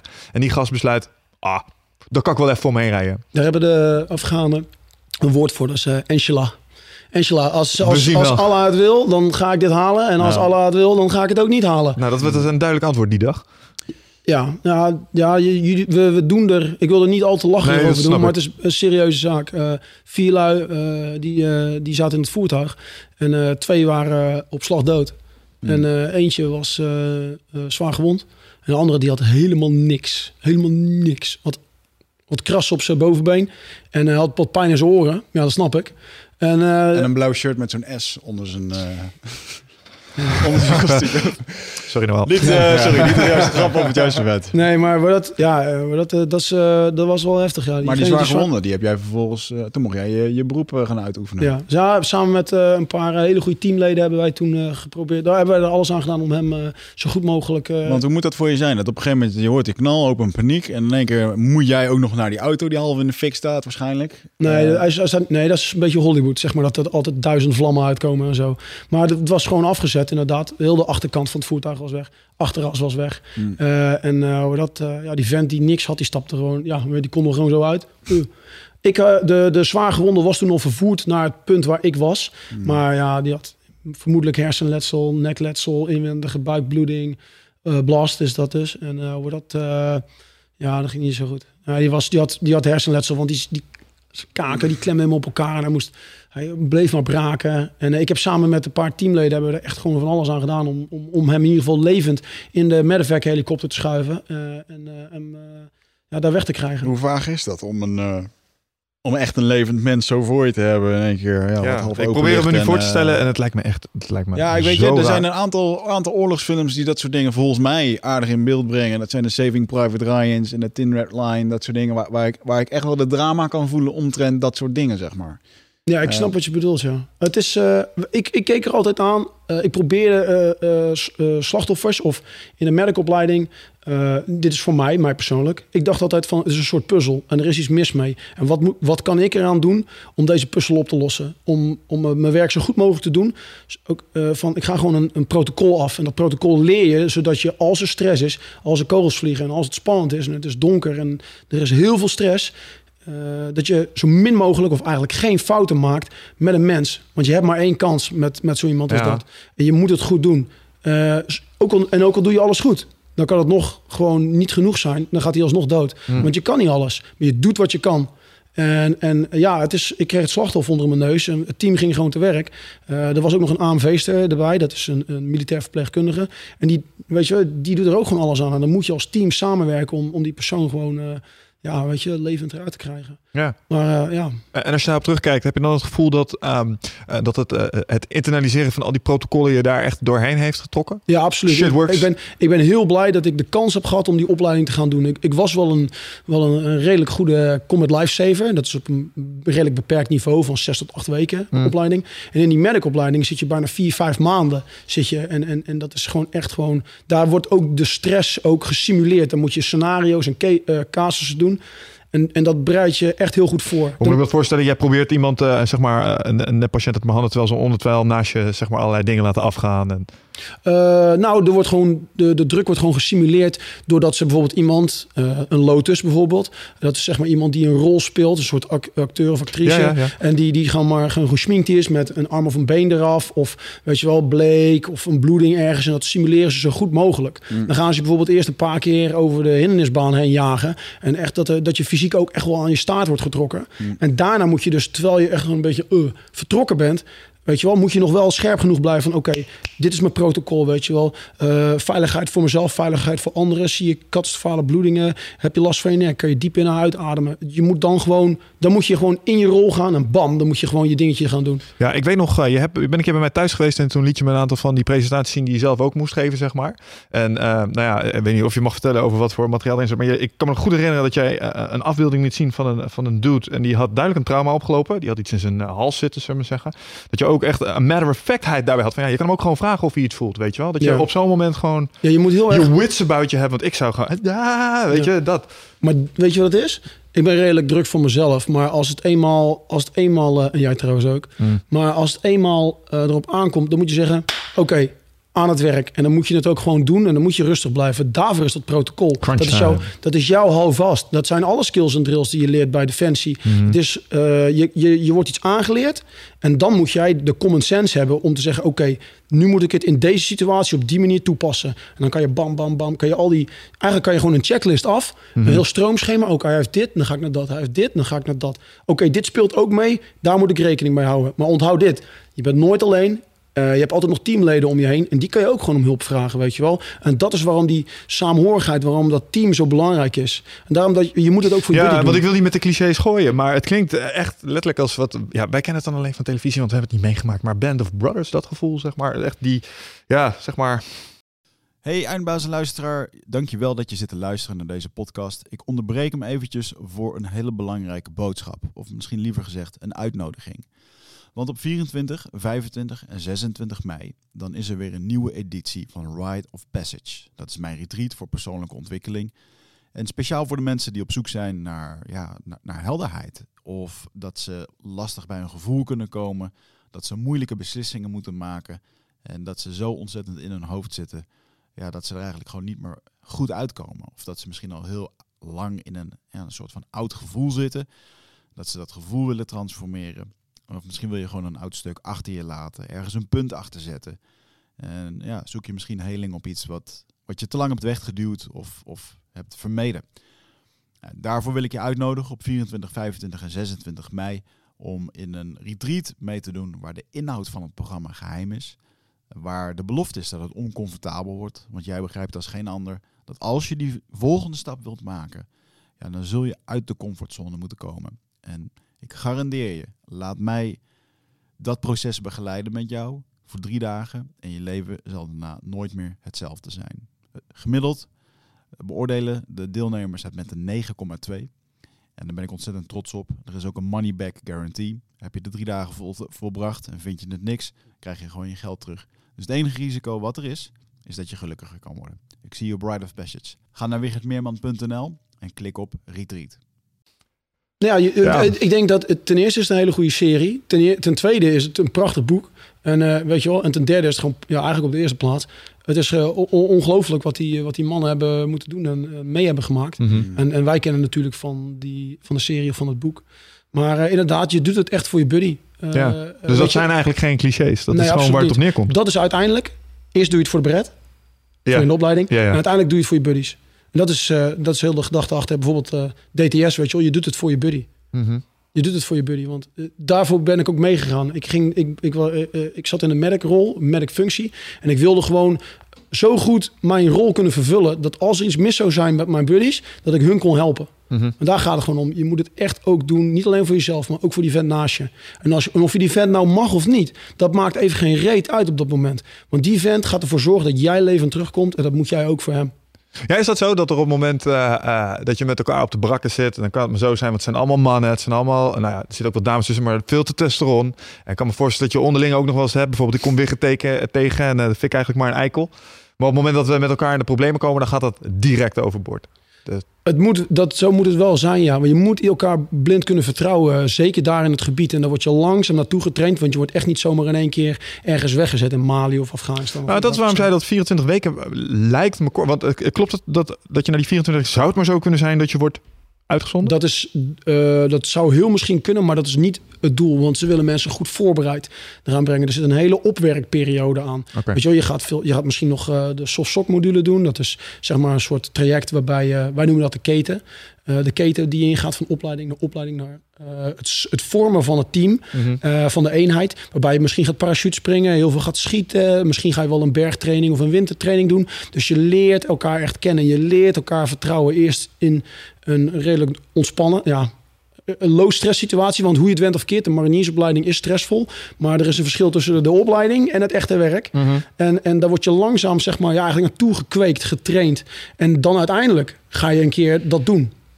Wat ik er nu zo van beluister, is die gasten, en het is echt cortisol all over the place Ja. natuurlijk. Hè? Dat, dat zeggen ze bijvoorbeeld ook in een van de opleidingen die ik heb gedaan. In dit geval bij, uh, bij Bas en Koen van de Overload.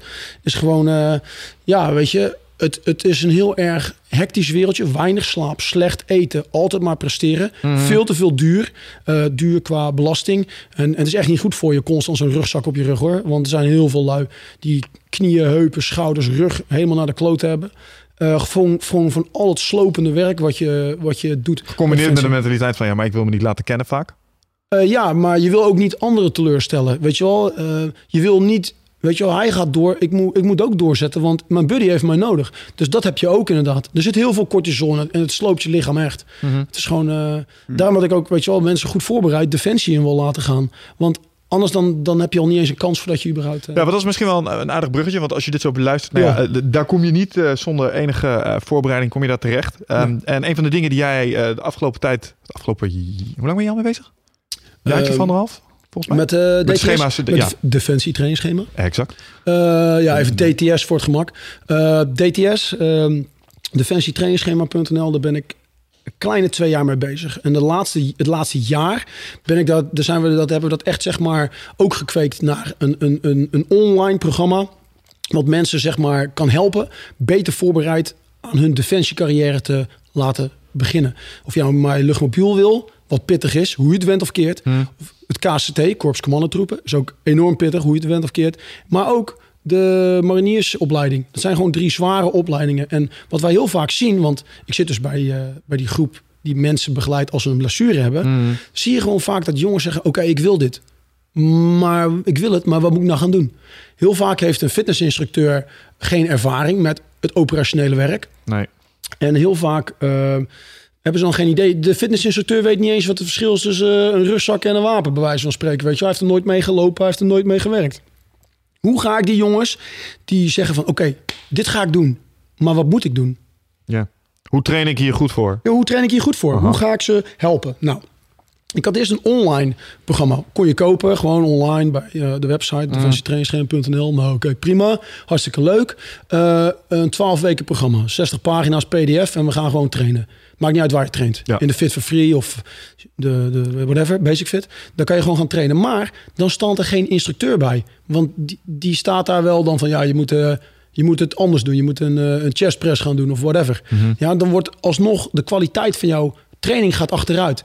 Ehm, toen heb ik een, ongeveer een jaar geleden heb ik een paar eh, coaches benaderd die ik ken vanuit het defensiewereldje. Eén jongen die ik ken ook vanuit Afghanistan, waar ik echt samen mee in de shit heb gezeten. Eh, Dennis Kneepkens heb ik benaderd en ik zei: Hey, dude, luister. Ik, eh, ik schrijf deze programmering, maar wat is nou hetgene wat het verschil maakt? De coach. Dus toen heb ik hem, Paul Pattiwaal van CrossFit Rewind, heb ik benaderd. Ik zei, hey jongens, wij, gaan, wij kunnen ervoor zorgen dat jongens beter voorbereid aan de commandoopleiding, aan de mariniersopleiding, aan de luchtmobielopleiding kunnen beginnen.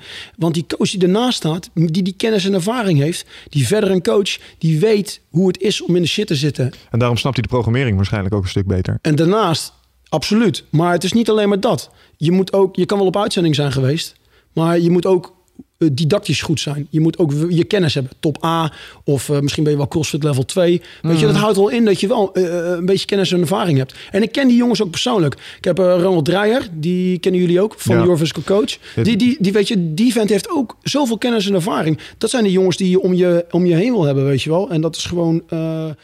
zie Dat- hier ook eh, Paul Patiwal. ja, dat is Patty, ja. Die ziet er het engste uit. Ja, nee, hij is sowieso.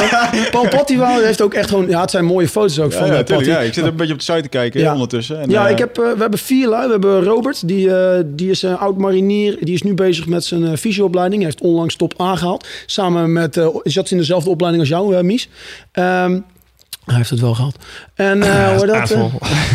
ik kom omdat Robert ook bij mij kwam om eventjes mee te helpen. Die had wel geprept, ja. Die had wel geprept. We hebben Dennis, die, eh, die, is, eh, die heeft ook zijn top aangehaald. Maar die heeft ook een hele goed lopende gym. Buitengewoon sportief, weet je. Die, dat gaat zo goed met hem. Hij is, hij is, weet je wel, hij is knowledgeable. Hij weet hoe die les moet geven. En, en weet je wel, Patty met zijn booskijkende foto. Want die wint. Patty Waal wint echt met, weet je wel... Hands down wint hij de engste foto. Maar hij is ook een hele enge man.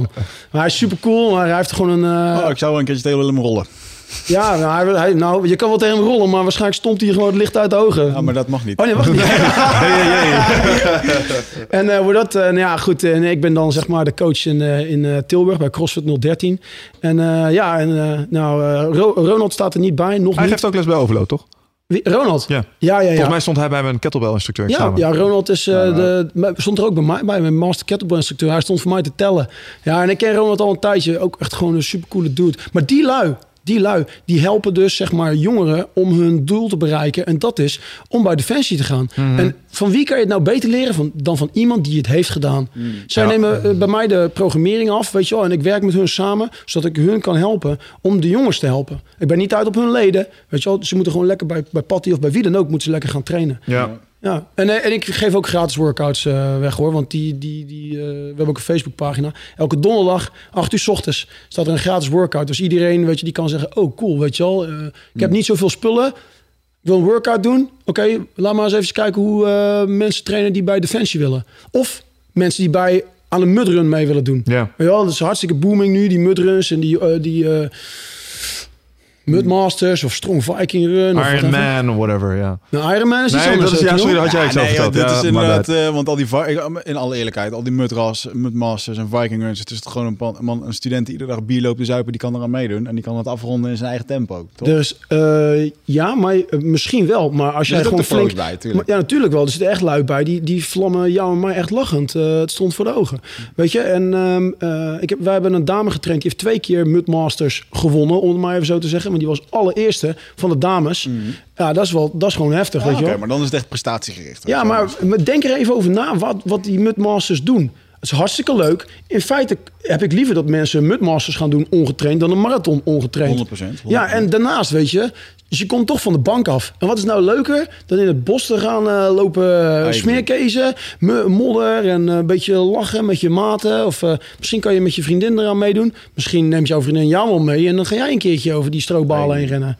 En die monkey bars doen. Ik wil daar ook niet aan, eh aan onderdoen hoor, want het is gewoon een, eh, een goede activiteit en Ja. voor, voor iedereen eh, ook benaderbaar. Dus Ja. dat, eh, dat is goed om te zien. Ik denk dat bijvoorbeeld mudruns een hele leuke opstap kunnen zijn naar bijvoorbeeld survival runs. Want dat vergeten mensen van, hey, eh mudruns, ja mudruns, cool. Maar ja, dan ga je wel eens een eh, survival run gedaan, eh kul. Dat bestaat al 25 jaar, hè. Dat is een Nederlandse sport. Maar daar hebben heel weinig mensen hebben daar nog van gehoord. Ik ken het verschil niet eens. Nou, misschien moet je maar eens een keertje meedoen dan. Dat is echt gewoon... eh, Ik heb wel echt- met de mudrun Ja, gedaan. Is een fucking bij, hele hardlopen. bij, Mutteren, bij Mutteren zie ik allemaal opblaasbare obstakels en dingen. En een hoop, eh, ja. En Grappig. Vind je niet leuk? Ja, absoluut. Stroomkabels. Ik, nee, maar het is meer. En dan survival run, dan zie ik alleen maar van die bossen met, eh, ja, met van die echt op. Ja, ja, ik weet niet, gewoon ja, een beetje. ja. Het zijn eh, echte technische hindernissen. Ja, precies. Zoals ze dat bij de landmacht ook zouden hebben. Ja, absoluut. We Ja. hebben een, eh, een, eh, Nederlands militair kampioenschap eh, van survival run. En dat is gewoon hartstikke leuk. Dat, dat is veel meer... Het is een beetje een lange touw- of hindernisbaan. Ja. Met veel hardlopen ertussendoor. En zo'n mudrun, die moet je ook misschien wat... Je hebt er ook hele pittige tussen zitten hoor. Maar dat moet je wat eh, benaderbaar of eh, met een lagere eh, instapniveau moet je dat maken. Maar het is toch hartstikke leuk als het ervoor zorgt dat jouw je vriendin of je moeder of je zusje of whatever of misschien wel een, een maatje van je die misschien ja weet je niet zo heel sportief is. Hey, kom op, dude, we gaan gewoon even een mudrun lopen. Weet je, dat is toch hartstikke cool. I agree. Maar ik weet nog dat jij, want je hebt ook Ironmans gedaan. Halve Ironman. zie. Hive Ironmans. En ik weet nog dat men, mijn oude basisschoolleraar, die deed het ook. Die reisde de hele wereld voor over. En toen de tijd had je nog niet al dat CrossFit en zo. En Nee. maar dat Ironman waren gewoon de fitste mensen van de wereld. Eh, Destijds. dat, dat zeggen triatleten graag inderdaad, maar dan moet je... Destijds denk ik wel dat dat een van de sporten was waar je aan kon meten dat iemand... Als je dat had fit gewonnen, cardiovasculair is hij wel heel erg vaak was je dan volgens mij een Australische eh, eh, strandwacht. Die, eh, die deed het echt goed in volgens mij. Ja, Ja, maar is hij dan sterk, is de vraag. Dat Ja, is inderdaad dat vraag. is- Kijk, dat is als je een kijkt naar puur wat bijvoorbeeld CrossFit heel vaak bij hun... eh, ik heb onlangs mijn level 1 opnieuw gedaan, want die was... Na vijf jaar moet je hem weer eh, even refreshen. Wat trouwens een hele leuke, eh, ref- hele goede refresher was. Het niveau is echt super omhoog gegaan met... eh, eh, de CrossFit level 1. Hm. Eh, hoe dat, daar zeggen ze ook van... wie is nou bepaal wat fit is, weet je wel? Want je kan cardiovasculair heel goed in elkaar zitten... maar die tafel waar, we- waar ik nu achter zit... eh, als je daar nou op moet springen als, als triatleet... en dat lukt jou niet, vind ik jou niet bepaald fit. Ja. Weet je wel, de, je moet goed inzetbaar zijn. Dan zou je ook een, een, een case kunnen maken van... oké, de, de, weet ik wel, de tienkamper of de vijfkamper... dat is iemand die fit is. Kogelstoters zijn de sterkste ter wereld, heb ik begrepen. Nou goed, een goede conditie komt in vele vormen. En het is ook niet... Ja. eh, ja, maar het is meer dan alleen maar conditie. Dus ik snap wel wat je ja, maar je bedoelt. hebt conditie en krachten en... eh ehm, hoe noem je dat? Kracht en, kracht en ehm, uithoudingsvermogen. Ja. Ja. Ja. Ga maar verder, Siels. Ja? Nee, nee, maar wat ik luister, gewoon- ik snap wat ik- zegt. wat ik wil zeggen is gewoon dat er, eh, weet je, het is ja, iemand natuurlijk. Ik vind, kijk, ik vind nu de crossfitters, zo'n zo'n Rich Froning, vind ik, die mag je bestempelen als een van de fitste mensen van de Dat wereld. ben ik helemaal met je eens. Eh, En ik denk wil, ook... en ik, ik wil dat juist, dat beeld wat we nu hebben van de fitste mens, dat was vroeger, 20 jaar geleden, kon je dat zeggen van Iron Man. Ja, daar is een punt voor te maken, absoluut. Weet je wel, maar daarentegen bijvoorbeeld, als je bijvoorbeeld een worstelaar had of een zwemmer, die zijn, die zijn ook hartstikke fit. Weet je wel, een andere, een andere duur qua belasting. Want een Ironman, weet je wel, als je daar, als je daar, ja, de snelste doen het onder de acht uur tegenwoordig. Onder Ja. de acht uur een hele Ironman, hé. Dat, dat is ook gewoon acht uur lang slopen. Waar bestaat een Iron Man uit? Zwemmen, fietsen, hardlopen. En de afstand voor de hele Ironman is 3,8 kilometer zwemmen. Uh, het is 180 kilometer fietsen, meteen erachteraan. Daarna 42,2 kilometer hardlopen. Fuck. Dus dus 3,8 zwemmen. Een individuele tijdrit van 180 kilometer. Fuck En daarna moet je nog een marathon lopen. Ja. En het zijn over het algemeen niet in de koudste plekken ter wereld. Dus dat betekent dat je ook nog eens met een beetje pech, want ze beginnen om 7 uur s ochtends, dat je dus gewoon rond het middaguur ben je dus de marathon aan het lopen. Ja. Nou dan, uh, en jij hebt er maar een halve gedaan. Ja, ik ben echt een mietje. Ik heb maar een halve. nee, zo fuck that shit. Maar, maar je bent wel, uh, je was de snel, ben je de snelste Nederlander die dat... In 2007 was ik de, ja, maar dat kwam alleen maar omdat een goede vriendin van mij, Yvonne van Vlerken, Niet bij de profs. Ja, die deed mee met de profs, maar die viel helaas uit. Ja, maar dus toen kwam ik aankakken. Ja, hey, hey, maakt niet uit. Dus eigenlijk winner by default. Nee, nee, nee, dat vind ik, ben ik niet met je eens. Want dat is ook vaak met en dat soort dingen dat we krijgen. Dan gaan we een toernooi draaien. En dan uh, heeft de eerste heeft toevallig een, een buy. Oftewel, de eerste heeft een uitval. Ja, ja. ja. Ik vind dat, dat heeft een, geen flik te maken met je prestatie. Dat is gewoon, op dat moment was dat toevallig zo. En het is part of the game, ja, weet je ja, wel? ja, Ik snap dus je. jij bent gewoon de snelste, snelste Nederlander. In 2007. Zonder ja. allerlei excuses. Okay. In 2007 was ik de snelste Nederlander. Ja. Maar je moet onthouden, deden 1800 mensen mee. Ja, en ik was 340ste in totaal. En dan vind ik het nog steeds wel netjes. Hey, de dude die had gewonnen dat jaar, dat was, die had even later ook een gouden medaille op de Olympische Spelen gewonnen voor triathlon. Uh, volgens mij Craig Alexander. Die was echt gewoon, uh, daar zitten echt supersterren bij. Ongelooflijk. Ja, ik vond het knap. En toen, maar toen, toen, toen, was je ook een rietje, man. Toen was je dun, hè? Ja, en nu weeg ik 90, uh, 90 kilo. En uh, toen op zijn lichtst woog ik 78 of 76. Dat was echt heel... Uh, ja. was ik echt... ja, dat is echt zo'n... iedere keer als ik jou dan zag, dacht van... Ah, hij rent echt veel te veel. ik, ik heb een paar leuke PR's voor mezelf kunnen zetten op de halve marathon en zo. En, en 4,5 uur was mijn snelste tijd op de halve Ironman. Dus dus 1900 meter zwemmen. Uh, uh, 90 kilometer fietsen en uh, 21,1 kilometer hardlopen. Mm. 4,5 uur was mijn snelste tijd. Maar dat, weet je, ik zeg, ik ga ook echt niet pretenderen dat triathlon gezond is. Of topsport nee, überhaupt gezond dat is. Dat ik net aan je vragen. Is ja. het gezond om dat soort dingen regelmatig te doen? Je, mo je moet je afvragen wat je ervoor over hebt. Ik heb bijvoorbeeld iemand die, uh, die kan goed iedere week een marathon lopen. Ja, ik ken mensen die kunnen elke dag een marathon lopen. De vraag is dus of het goed voor ja, is. Nou, ja, ja. Ik, het is een hele goeie wat je toevallig zegt. Want ik begeleid ook op het moment een ultra-loopster. Hmm. En uh, die uh, gaat binnenkort uh, de 100 mijl de Bear Ultra Run doen. Uh, en dat is ook maar de vraag, weet je wel, hoe gezond is dat? Bear als een naakt of als bear als een beer? We doen wel. Uh, ik zou, bij alle gevallen, bij stel ik me er iets leuks bij voor. Ik zou, ik, zou, ik zou graag zeggen de eerste versie, maar het is de tweede versie. Dus met een beer erachteraan. Ben je wel lekker snel thuis? Ja, ja. Heb je ook marathons waar je naakt mag lopen? Er zal er vast wel. Jij wel. Als, je, als je het kan verzinnen, dan zal het vast wel bestaan. Zal je bent niet mij, vast de uh, eerste zijn. Dat is regel 34, jongen. Ultieme droom zijn. Met 1800 mensen naakt 40 Nee, maar- kilometer hardlopen. Ja, dan, ja, als je een enge achter je hebt, als je een enge vent achter je hebt, weet je wel, dan ga je wel Gaat zelf het hard lopen. Hé, hey, maar hoor, dat, die, die chick die gaat echt gewoon, eh, die, die, wil ik, die wil ik ook, die begeleid ik online, die- want die woont in Denver, Colorado.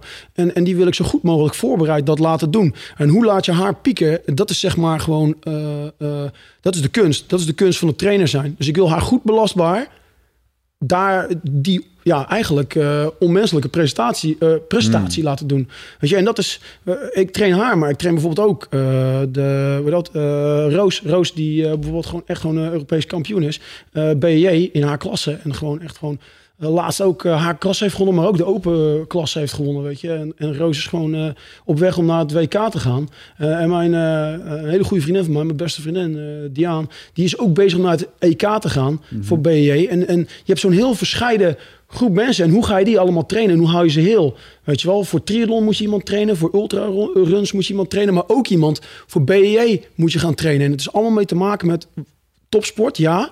Maar hoe ga je mensen heel houden, zodat ze dat kunstje kunnen doen en niet in de blessures lopen en niet zichzelf slopen? Hoe zorg je dat ze geen burn-out krijgen door krachttraining? Ja. Ja, laten we het daar nog eens even over nou, daar ben ik inmiddels... Nee, nee, nee, daar ben ik inmiddels achter. Dat hebben wij gewoon niet goed begrepen. Dat hebben wij gewoon Ik snap, waar, ik snap waar, jullie, waar jullie heen willen, inderdaad. Ja. Nou, ten eerste moeten, moeten mensen bijvoorbeeld wel vragen blijven stellen over hun trainingsschema. Kijk, mij niet gewoon, eh, zeg je? nou, weet je wat het is? Ehm, eh, Iedereen kan zwaar trainen. Want ik kan uh, bij wijze van spreken hier uh, de tafel een half uur voor mijn neus. Uh, We hebben daar een 32 kilo wegende kettlebell. Doe je ding. Ja, oké, okay, nice. 32 kilo. Heb je er ook eentje die nog... ze zijn wel heel mooi trouwens. Maar dat, wat ik wilde zeggen was... Je kan een half uur lang de, de, tafel voor je neus vasthouden. En dan wordt iedereen moe. Maar de vraag is, word je daar sterker van? Mm -hmm. dus je moet weten hoe je traint. En, en, je moet ook goed naar je lichaam luisteren. Um, weet je, dus als, als er staat 2 tot 5 sets voor 5 tot 8 herhalingen mm-hmm. in een tempo van 2-0 x 0. Mm-hmm. Dat betekent dat als jij 5 tot 8 herhalingen moet doen en je haalt niet meer die rep range, dan ben je klaar. Ja. Dan kun je dus stoppen. Ja, want dan heb je jouw personal point of overload gehaald. En die kennis die zit er inmiddels gewoon volledig gedegen in. Echt ja, maar, dat is niet erg. dat is niet erg. Hè? Het is allemaal trial and error. Tuurlijk. En nou weet jij dat. Dus dat, weet je, die fout ga jij nou niet meer maken. Nee, maar en laten we wel wezen, um, daar zie je ook weer dat het individueel is. Want als je kijkt naar het verschil in uitwerking die het desbetreffende schema op uh, en mij had. En, nou, allereerst, joh, individualiseren. Um, maar um, Kijk, ik ben er, ik ben er, uh, ik ben erin aangekomen door uh, in spiermassa. En uh, Wigert die had het gevoel dat... Dat was het doel ook? Dat was het doel ook. En ster, nou, het doel was sterker worden zonder verlies van cardio. Dat was het doel. En dat is wel gelukt. Um, ja, jouw cardio was ook echt wel kut, dus ja. Maar dat was nou juist het sterkste gedeelte, want ik trainde alleen maar cardio. Hij was voor een minuut was hij de, de master. Na een minuut was hij done. Je hebt met mijn vriendin gepraat. Ja. Nee, maar, maar eh, het klopt. Want... Ik dacht dat ik jouw vriendin was. Oké, okay, ja, goed. Ga maar Alleen in de weekenden wel. Alleen in de weekenden. Right. Ja, maar terug naar inderdaad, um, terug naar het schema. Wat wij daar fout deden, um, en ik inclusief dus, is inderdaad dat we eigenlijk aan het doen waren wat iedereen aan het doen is, namelijk je setjes maken. Ja, maar dan ben je aan het trainen om te trainen. Ja, je bent gewicht aan het verplaatsen. Ja, inderdaad. Maar je moet niet denken, hey, en daar komt hij weer. Je moet niet denken, meer is beter. Je moet denken, beter is beter. Ja. Wat, wat werkt voor jou, is wat werkt voor jou. En dan moet je dat doen. En dan moet je niet iets anders doen. Wat, weet je, um, dat doen mensen ook heel graag. Die kijken, wat is het trainingsschema van Rich Froning? Dan ga ik dat doen, want hij is uh, de fitste man uh, ja. ter wereld. Weet je wel, maar dat is, dat is de fitste man ter wereld. Omdat hij... alleen maar crossfit doet. Nou, dat niet alleen, maar dat, dat, want hoe je ook met of verkeerd, crossfit is ook een sport. Zeker op dat niveau. Het zijn allemaal supersterren op dat niveau. Het zijn hmm. echt atleten, weet je. En, en uh, ook hier in Nederland, weet je, we hebben echt gewoon super getalenteerde, hardwerkende atleten. Maar wat zij doen, dat werkt voor hen. hen. Ja, weet je wel, wat, wat jij doet, werkt voor jou. Als het goed is, wat jij doet, werkt voor jou. Als het goed is. En als dat niet werkt, dan moet je iets anders doen. Mm je, je, moet niet doen wat anderen doen. Je moet doen wat jij moet doen. Hmm. En dan moet je gewoon gaan kijken, oké, moet ik zoveel sets maken? Moet ik zoveel reps maken? En daarom is het gepersonaliseerd. Daarom staat het twee tot vijf sets. En daarom staat er niet drie sets. Ja. Het is, het, dat is dus weer dat. Ja, want mijn personal point of overload ligt elders als dat bijvoorbeeld van Wigert. Maar Omdat, dat zijn kwartjes die zijn echt, die zijn recentelijk uh, pas gevallen. Maar weet je wat het ook is? Je bent zo gewend vanuit de conventies. Je krijgt een schema. Oké, je moet uh, vier sets, 12 keer benchen, ik noem maar iets. En dan is het raar voor je gevoel als je in set 2 al niet meer in je rep range komt, je faalt, dat dan klaar is. Ja, maar als er staat 2 tot 5 sets, dan zou het kunnen ja, zijn. Dat, dat snap Oké, okay, even voor de duidelijkheid. Jij snapt dat en uh, Wigert snapt dat was, uh, waarschijnlijk ook wel. Nu wel. Maar nu wel. Een beetje. Maar uh, hoor dat even, weet je wel, dit is weer een andere manier van coachen en trainen. Maar binnen krachttraining werk ik graag en, en mijn, mijn team bij Breda AC of bij, bij CrossFit 013 werken graag met vaste parameters. En dat mm. kan zijn sets, reps, rust en tempo. Uh, en dat zorg je dat je een paar vaste parameters hebt. Dan hou je de training zo gestructureerd mogelijk. Mm -hmm. Want als je beter wil worden, moet er structuur zijn. Je moet van dit niveau naar dit niveau. Dat kan je alleen met een geperiodiseerd, gepersonaliseerd schema. Met een uh, methodische opbouw. Ja, zodat je nu weer duur woord lineaire progressie kan boeken. Dat Hmm. betekent alleen maar dat je, dat je dan zoveel mogelijk houvast moet hebben. En dat op het juiste moment weer moet gaan veranderen. Uh, als jouw personal point of overload is bereikt. Dan werk je dus met sets. Dan werk je dus met reps. Ja, twee tot vijf sets. Kan zijn dat jij gewoon één setje bezig bent met 100 kilo back squat. Bam, bam, bam. In een tempo. Gaat hartstikke goed. Mm -hmm. En je hebt je zes herhalingen gemaakt. Je rep range is 5 tot 8. Ja. Je hebt zes reps gemaakt. Zes valt tussen de 5 en 8. Je neemt je rust. Laten we zeggen drie minuten. En dan ga je nog een keer. In hetzelfde tempo. En nu kom je maar tot vier. Oké, okay, ja. dat was je laatste set.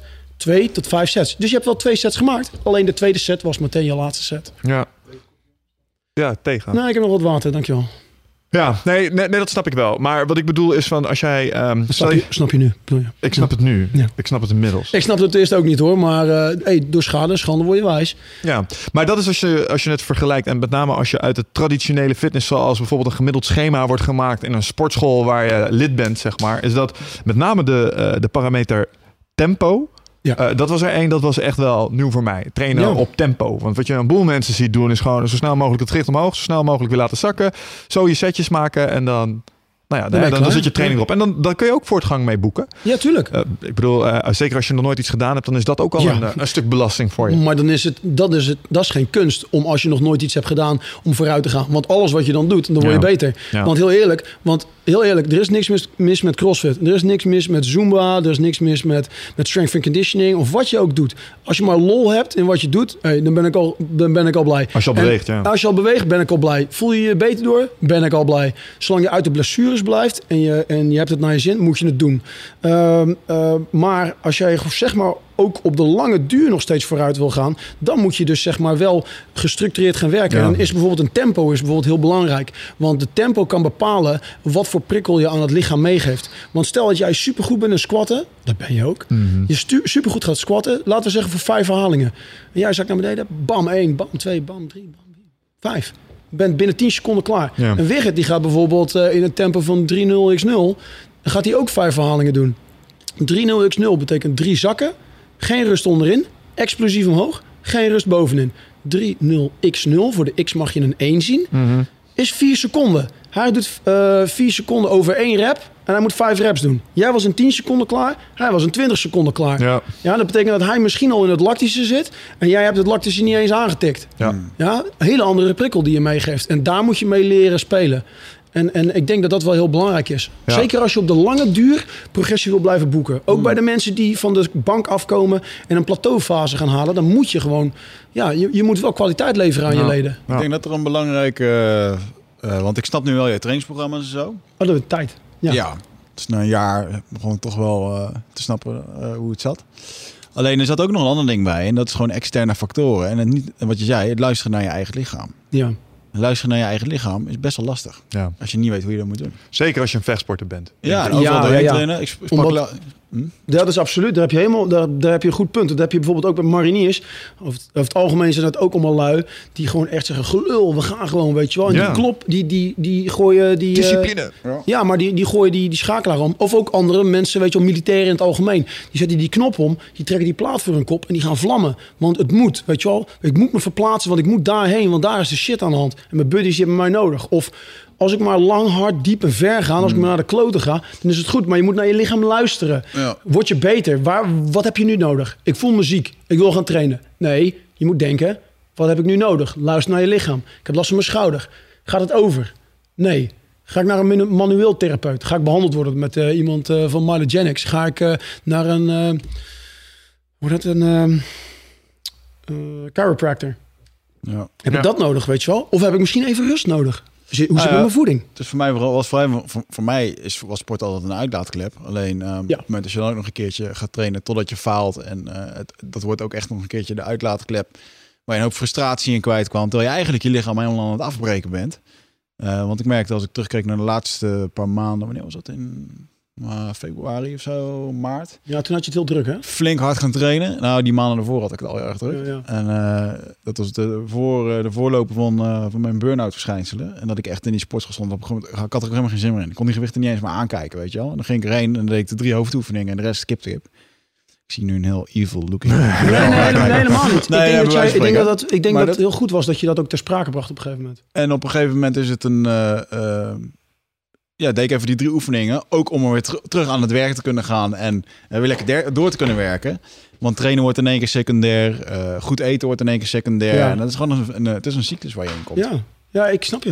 En vervolgens had ik echt het idee van ja, ik, eh, met gewichten ging het niet meer lekker vooruit. En ja, ik durf wel te zeggen dat ik. En ik heb toen nog een keertje na de periode dat ik wat beter begon te worden, ben ik begon vervolgens weer gaan krachttrainen met, met een vriend van mij, Willy Nie. Eh, ja, nog steeds MMA-vechter bij eh, One FC. Als hij nog een keer een partij aangeboden krijgt. Omdat ze, volgens mij gaat One FC binnenkort op zijn gat. Maar, eh, maar gewoon flikker, lekker lopen kracht trainen. En dan merk je gewoon een keer. Dan loop je elkaar op te fokken. eh, als te trainen en te doen. En tot het uit is te gaan. En echt drie weken later kreeg de klap twee keer zo hard weer. Ja. Weet je, dus dat is een, was een, een voorvalletje van overtrainen op den top, zeg maar.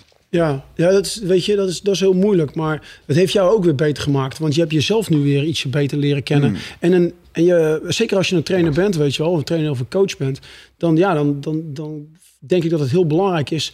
Dat, kijk, of je zelf een, to- een topsporter bent, dat is niet zo belangrijk. Maar je moet wel kunnen inleven in jouw, eh, in jouw leden of in jouw eh, topsporters. Of, of in jouw sporters in het algemeen. Ja. Weet je, en als jij gewoon dat soort dingen weet, weet je, jij neemt die informatie mee. En dan, dan, dan kan je daar iets mee. Als het goed is, dan haal je daar een les uit en dan doe je daar iets mee. Mm. Dus ik weet zeker dat jij de volgende keer dat daar zeg maar een paar van die eh, zeg maar kenmerken terugkomen, dat je denkt, oké, wacht even. Ja, Nu moet ik misschien een heel klein beetje gas terugnemen. Ja. Want je, je kan niet altijd duizend kilometer per uur gaan. De boog kan niet altijd gespannen zijn. Dus dat, dat relativeren of dat, dat inzien, dat is gewoon echt heel belangrijk. Ja. En ik denk dat daar heel veel, voor heel veel sporters, maar ook voor heel veel coaches, eh, best wel veel te, te, winnen is. valt. Vraag, Ja, te je, halen, vraag, vraag aan weg. Schreef je alles op?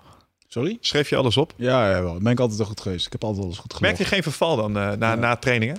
Nou ja, op een gegeven moment, eh, ik schreef alles op van volledige trainingen. Op een gegeven moment kreeg ik het druk, nog gestrester, bla bla bla. En op een gegeven moment ging ik alleen nog maar eventjes de, de hoofdoefeningen doen. Op een gegeven moment deed ik niet eens meer de warming up, ging ik nog naar binnen.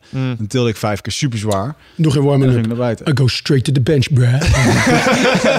En eh, nee, weet je, en dus op een gegeven moment, eh, wat ik eigenlijk aan het doen was, was meer gewoon een uiting van frustratie dan dat je echt eh, Ja. doelbewust aan het... Ik weet nog dat ik op een gegeven moment weer in de sportschool stond, dat ik ging weer een keer trainen bij Mike Sim krachttraining en dat ik echt dacht, ik vind het echt weer leuk om krachttraining te doen, weet Mhm. je wel? En eh, dat had ik echt maandenlang niet meer gevoeld, want door de discipline die ik door de jaren heen heb ontwikkeld, want ik durf eh, veel, ik heb veel dingen niet, maar als er iets is wat ik eh, is, dan kan ik ergens in doorbijten en Mhm. Ja, dat- Ja, je bent bijzonder goed in jezelf over de kling jagen. Ja. en dat is, een- dat is een ding wat ik niet eens, dat je niet eens meer beseft, want dat zit gewoon in je, Mhm. weet je wel? En ja, goed, als je dat, daar ga je dus op een gegeven moment ook maar gewoon doorheen, want het is normaal geworden, weet je wel? Dus Ja, dat, maar de, de reden dat ik het vroeg was omdat, ehm, en dat is misschien een beetje inhakend op wat normaal normaal zijn, nu weet je het. Want eh, wat, ik, wat mij zou opvallen nu is op het moment dat ik in zo'n situatie kom, is dat ik waarschijnlijk eh, trainingen achter elkaar, ehm, dat ik zie dat ik minder kan gaan tillen. Of dat ik eh, niet meer in de, met hetzelfde gewicht in de ranges kom waar ik normaal was. Dus dat zegt me dan iets over mijn herstel vervolgens. ja. Mhm.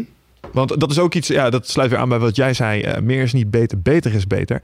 Eh, ik, Die heb ik niet verzonnen over. nee, nee, dat weet ik. Die hadden we allebei eh, gewoon ordinair van iemand. Maar ehm, Beter goed gejat. dat is slecht bedacht. Ja. Ik zeg wel vaker, als ik ooit een origineel idee zou hebben, zou mijn hoofd ontploffen. Dan ontploft het internet Het waarschijnlijk. internet, dat is als delen door nul. Ehm nou ben ik kwijt waar ik heen wil hier. Mooi zo. Ja, dankjewel. Ik wou het ergens anders over hebben met Noël. Vertel nou, maar. schittend. Over eh, een van eh, jouw mentoren, Steve Maxwell. Ja, Wat ik eh, persoonlijk wel een hele eindbaas vind. zeker. Omdat het een lekkere, minimalistische, primitieve caveman is. Die wel heel veel verstand heeft. Eh, vroeger, eh, al vroeg begonnen is om met Gracie's te rollen. Ja. En, maar ook een, eh, een top strength and conditioning trainer. Dus voor degenen die daar niks over weten, dan moet je maar eens een keertje de interviews met London Real kijken. Ja. Ehm, wat de Engelse variant is van Zo, ook een podcast die zich eh, heeft laten inspireren door Eindbaas. En Steve de- Maxwell, ja. En, eh, maar ik vind, eh, ik vind Steve echt een... eh, ja, ik, vind een, ik snap zijn methodiek wel. En jij hebt met hem... hij heeft bij jou... in- hij heeft in je huis geslapen, toch? Nou, ja, als mijn gym, als onze gym in Breda mijn huis is. Ja. Nou, hij, hij zat in een, in een, zeg maar een Airbnb in Breda. En wij hebben een, een certificering, of een weekend hebben wij hem ge- gehost. En hij heeft daar bij ons twee seminars gegeven. Fundamentals of Human Movement Ja. van Steve Maxwell en Mobility.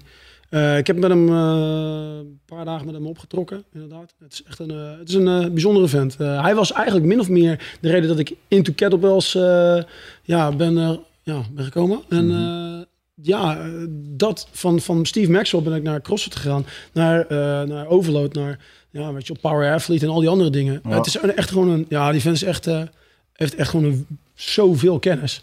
Die, weet, die is meer vergeten over strength and conditioning dan dat, dan dat ik heb geleerd, zeg maar.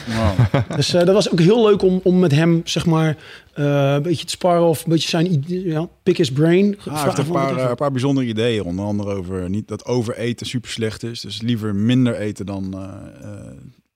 tenminste, dat, dat Ja. een verhaal over celdeling of zo. Het schijnt dat je dat het bewezen is als je te veel eet, dat het helemaal niet goed is voor je lichaam. En als je minder eet, dat celdeling langer duurt dan dat het doet bij iemand die overeet. Dat waren allerlei eh, eh, methodieken die die, eh, die die had. Ehm, maar daarnaast ook gewoon het, wat ik wel grappig aan hem vind. En daar, daar- dat hij minimalist is. Hij, die gast die heeft gewoon een, een rugzak waar hij mee leeft. Ja. En die is helemaal niet attached to anything. Nee. En dat is gewoon zijn ding. Die gaat gewoon heel de wereld over met een tientje. Waarom En- zeg je dat echt zo van, nee, dit heb ik Hij- gezien, hij zo had- klinkt ja, dat. hij heeft zijn huis verkocht. En eh, hij had voorheen had hij een gym. eh, hoe dat? eh, volgens mij was dat Maxercise. En eh, dat was in Philadelphia. En eh, op een gegeven moment had hij een camper. Dat was zijn huis.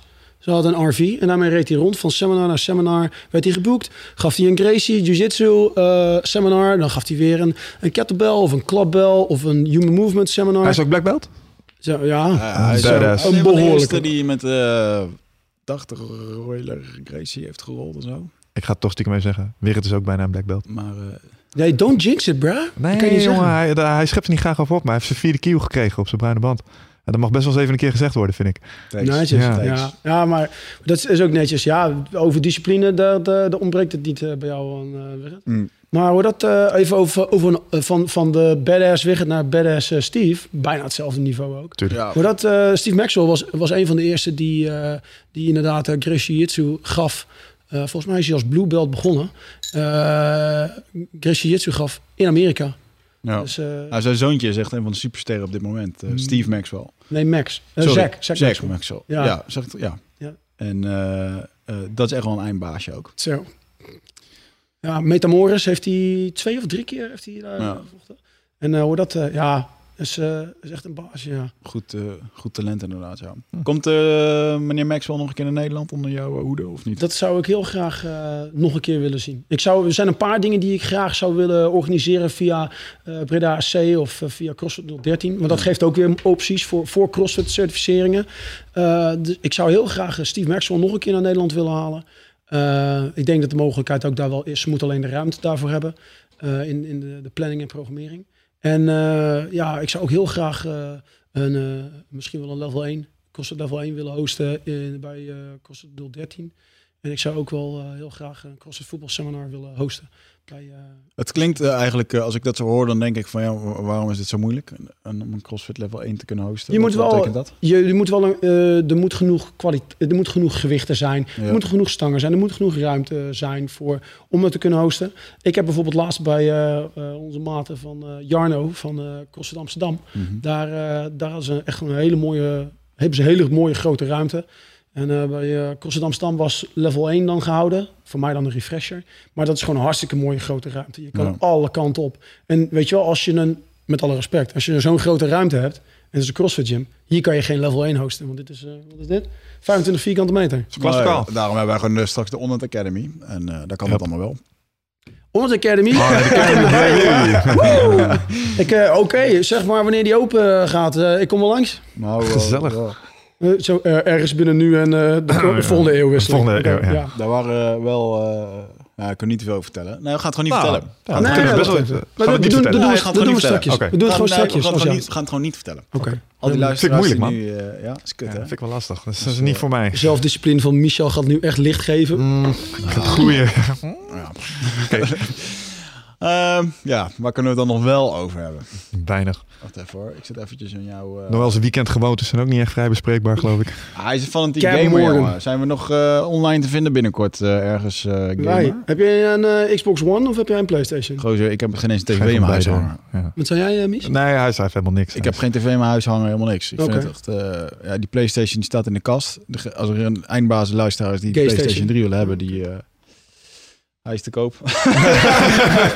Ja, Maar, op eh, Marktplaats. Op Marktplaats. Ondertekend door de Wigert. Ja. En, eh, Hij waffelt hem zelfs nog een keer voor je ja, geen oh, zo probleem. super nice. Dan gaat de waarde meteen omhoog. Nou, als jullie eh, niks anders weten over te hebben, Ja, ik wil ja, nog wel... we lullen zo nog een half uur vol. Wat wil je nog zeggen? Wil je zelf nog wat vertellen? Nou, weet je, ik, ik, ik ben het, het zit wel echt gewoon. eh, ik was echt positief verrast. Ik bedoel, want ik was altijd wel een beetje eh, kritisch op, eh, op CrossFit.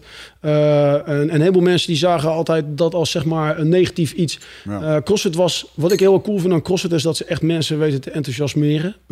Te motiveren om gewoon van, de, van een reet af te komen. Met die barbel in de nek. Dan gewoon lekker gaan squatten. Ja. En eh, ik, ik, ik leverde wat commentaar daarop. Want eh, net zoals met alles, of je nou wat je ook geeft, weet je wel, al geef je fucking paintball, al geef je, al geef je Zumba, eh, je moet kwaliteitscontrole hebben. En dat vind ik heel belangrijk. En, en iedereen kan zijn CrossFit level 1 doen. Eh, daar zeggen ze ook, en nu is de opleiding toch zeker wel iets vooruit gegaan. Weet je wel, als je een goede coach bent, dan weet je wat je sterke punten zijn en weet je wat je zwakke punten zijn. En dan werk je daaraan. En eh, eh, ik heb toen echt wel een tijdje gezegd van... hé, weet je, er is echt gewoon geen kwali- kwaliteitscontrole bij eh CrossFit Level 1. En iedereen kan vanaf dat moment eigenlijk zijn, zijn gym gaan beginnen. Maar net zoals met een slachtoffer of met mensen... je hebt maar één kans. En voor je het weet heb je een blessure te pakken. En ja, je hebt eerder een blessure te pakken dan dat je er vanaf bent.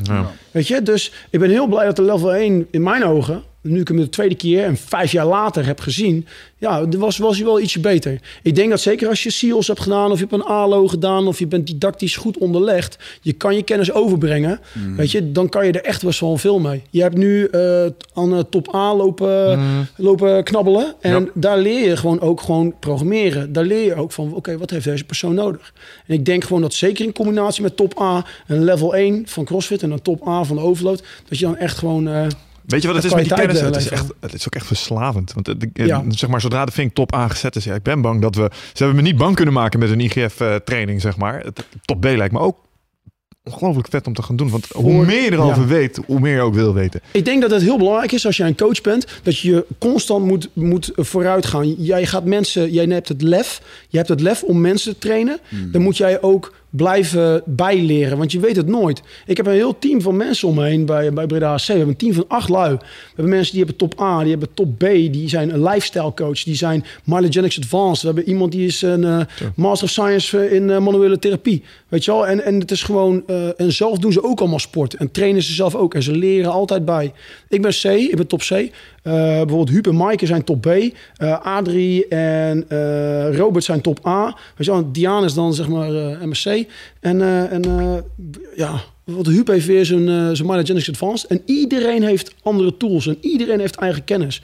Weet je wel, als je begeleid wil worden met voeding, dan kan je bij Sal terecht of je kan bij Maaike terecht. Als je een specifiek, als je een dame bent en je wil specifiek één programma, dan ga je het Strong Women programma volgen. Vind ik het wel, is gewoon. vind ik wel heel sterk dat je toch ehm, zeg maar, die mensen om je heen verzamelt. Want wat ik veel zie bij personal trainers, dat ze menen overal verstand van te hebben. En dus eigenlijk soms advies geven wat, nou ja, waar je eigenlijk wel iets meer achtergrond voor moet hebben. Voeding is wel bijvoorbeeld een mooi voorbeeld. Iedereen heeft allerlei clichés, maar daar is ook wel. Ik word heel erg voorzichtig in eh, voedingadvies geven tegenwoordig. Gewoon, want ik heb ook wel gezegd eh, tegen sommigen, ja, je moet low carb gaan en dat zijn die fouten heb ik allemaal wel gemaakt.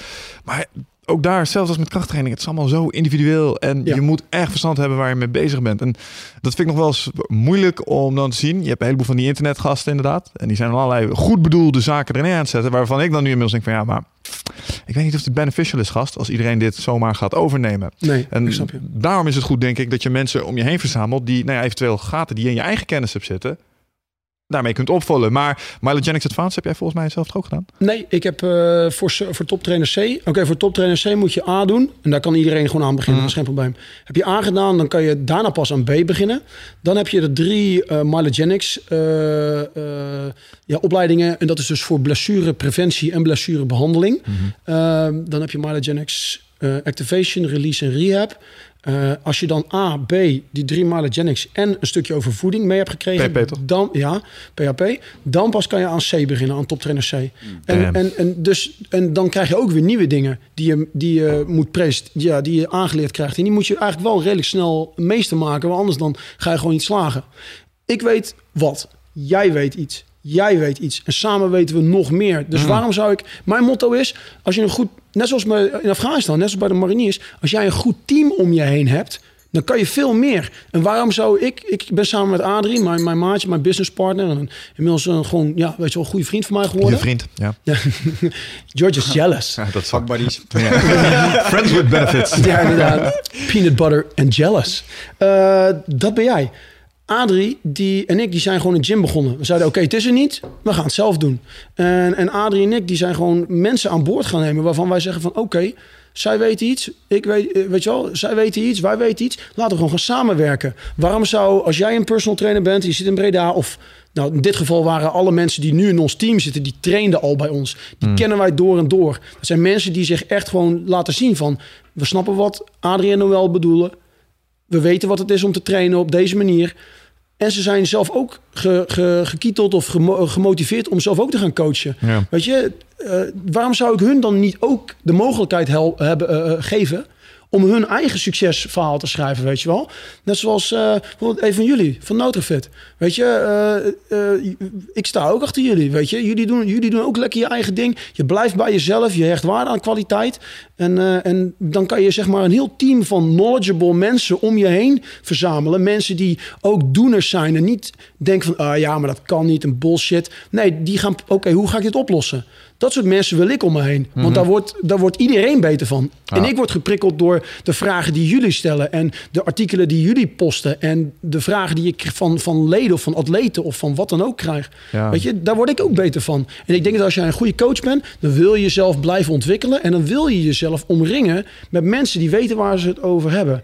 En, en ik leer ook elke dag van, van, van mensen zoals jullie... of van, van mijn eh, teamleden van Breda AC. Daar leer ik van.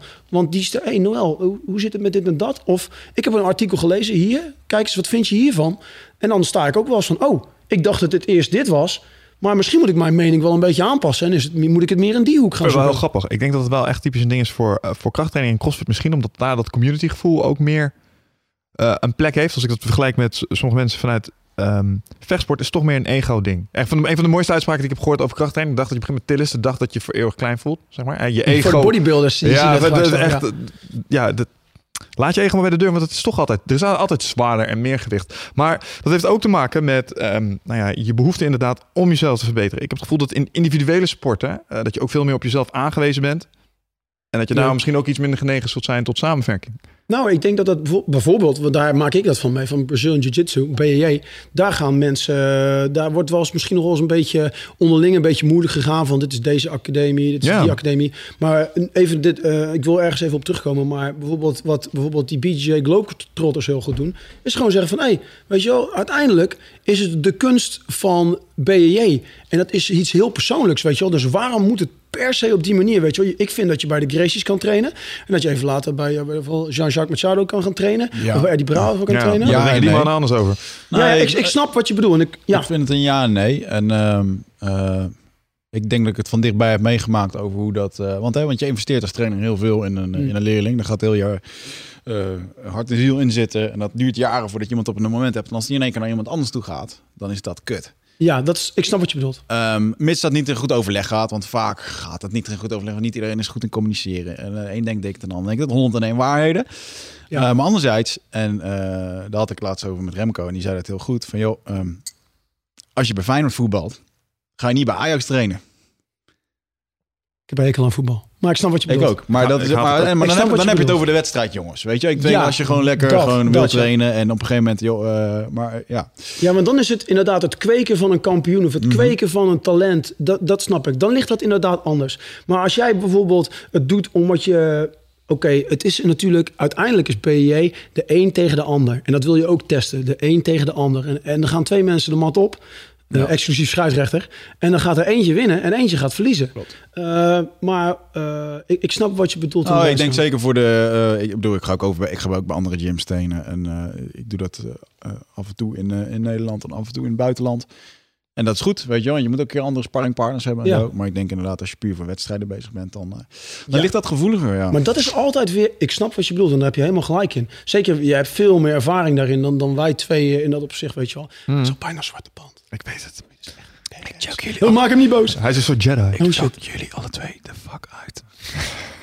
Sorry, wat zei je? Ja, choke waarschijnlijk. Ligt het dat ligt er helemaal aan of we staan beginnen of niet? Ja, dat doen we niet. Het ligt eraan of Dat dacht ik al. ligt, ligt eraan of we 25 meter afstand staan en ik gewapend ben. Ja, maar dat is weer zo'n ding. Ik Dat is weer een escalatieniveautje hoger, hè? Die discussie heb ik ook al. Ja. Ik heb wel eens eh, in Os, eh, toen kwamen er drie jongens van de BBE eh, bij ons trainen.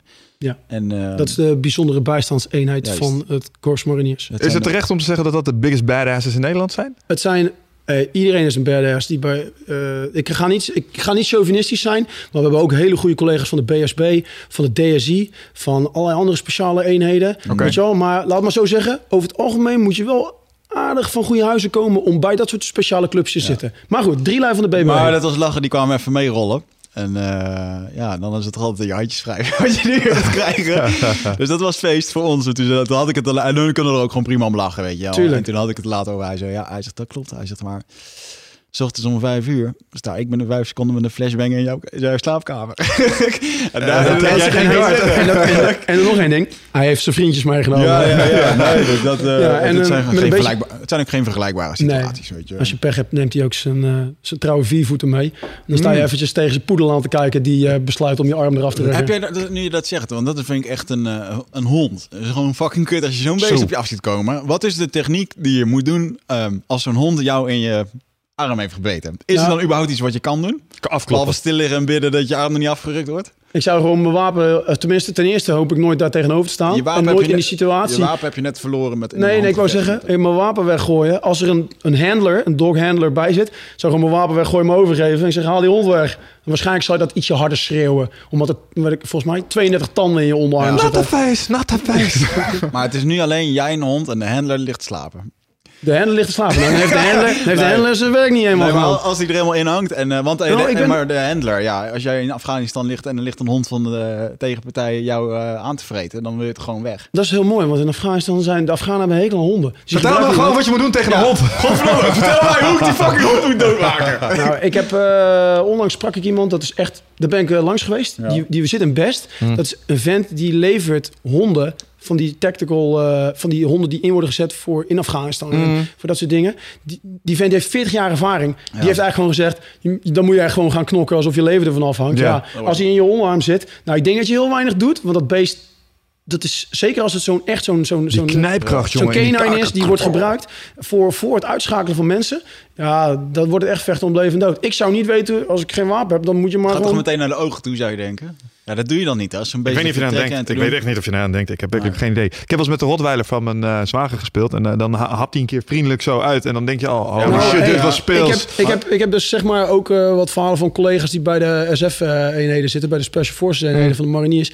En die hebben dan bijvoorbeeld samengewerkt met zo'n vent die, is een, die doghandler is. Dan hebben ze zo'n scenario. Zo'n vent heeft zo'n heel pak. Dan rennen ze dan zeg maar, doen ze een instap, een heel scenario. En die moeten gewoon die hond echt gewoon wurgen om hem los te krijgen van, van, de, van, de, ja, van, de, van het doelwit. Echt. Ja, en die staan gewoon echt gewoon een rear naked ook bij die hond te doen van alles laat het beest niet los. Dus de hond, die hond gaat echt zo weg. En dan halen ze hem snel naar achteren. Als hij niet loslaat, dan maar zo. maar die hond is zo, die wordt zo getriggerd, die wordt zo gekweekt op echt gewoon contact maken met de hele, de hele mond en mm. goed bijten. En je, die hond die wordt ook gewoon getraind en rondgeslingerd. Die mag gewoon niet loslaten. Die is gewoon dus craft. ik hoop dat ik dat nooit meemaak. Ik, ik ken ook iemand die, die honden trainde. En die uh, vertelde dat hij die... Uh, er kwam er een keer een politieagent uit Zweden. En die kreeg dan uh, een paar weken training hier. En vervolgens mocht hij de hond meenemen. Dat is best wel... want het wordt echt een maatje voor het leven, hè, zo'n ja. hond. En die, maar die verkocht ook honden aan... ja, bepaalde types op Aruba mensen die eh, in het grijze die, circuit uh, centjes verdienen. Containers uh, links en rechts verscheept. Hè, waar mm. wij gewoon Waspoeder. Wat, waar het verteld van die container die wordt daar neergezet. En die hond die wordt daar zes weken lang mag hij daar omheen snuffelen. En als hij na zes weken niks ruikt, dan, dan gaan we die container wegsturen. Want dan lekt hij geen zuurstof en dat soort shit. Dus daar wordt het ook voor ingezet.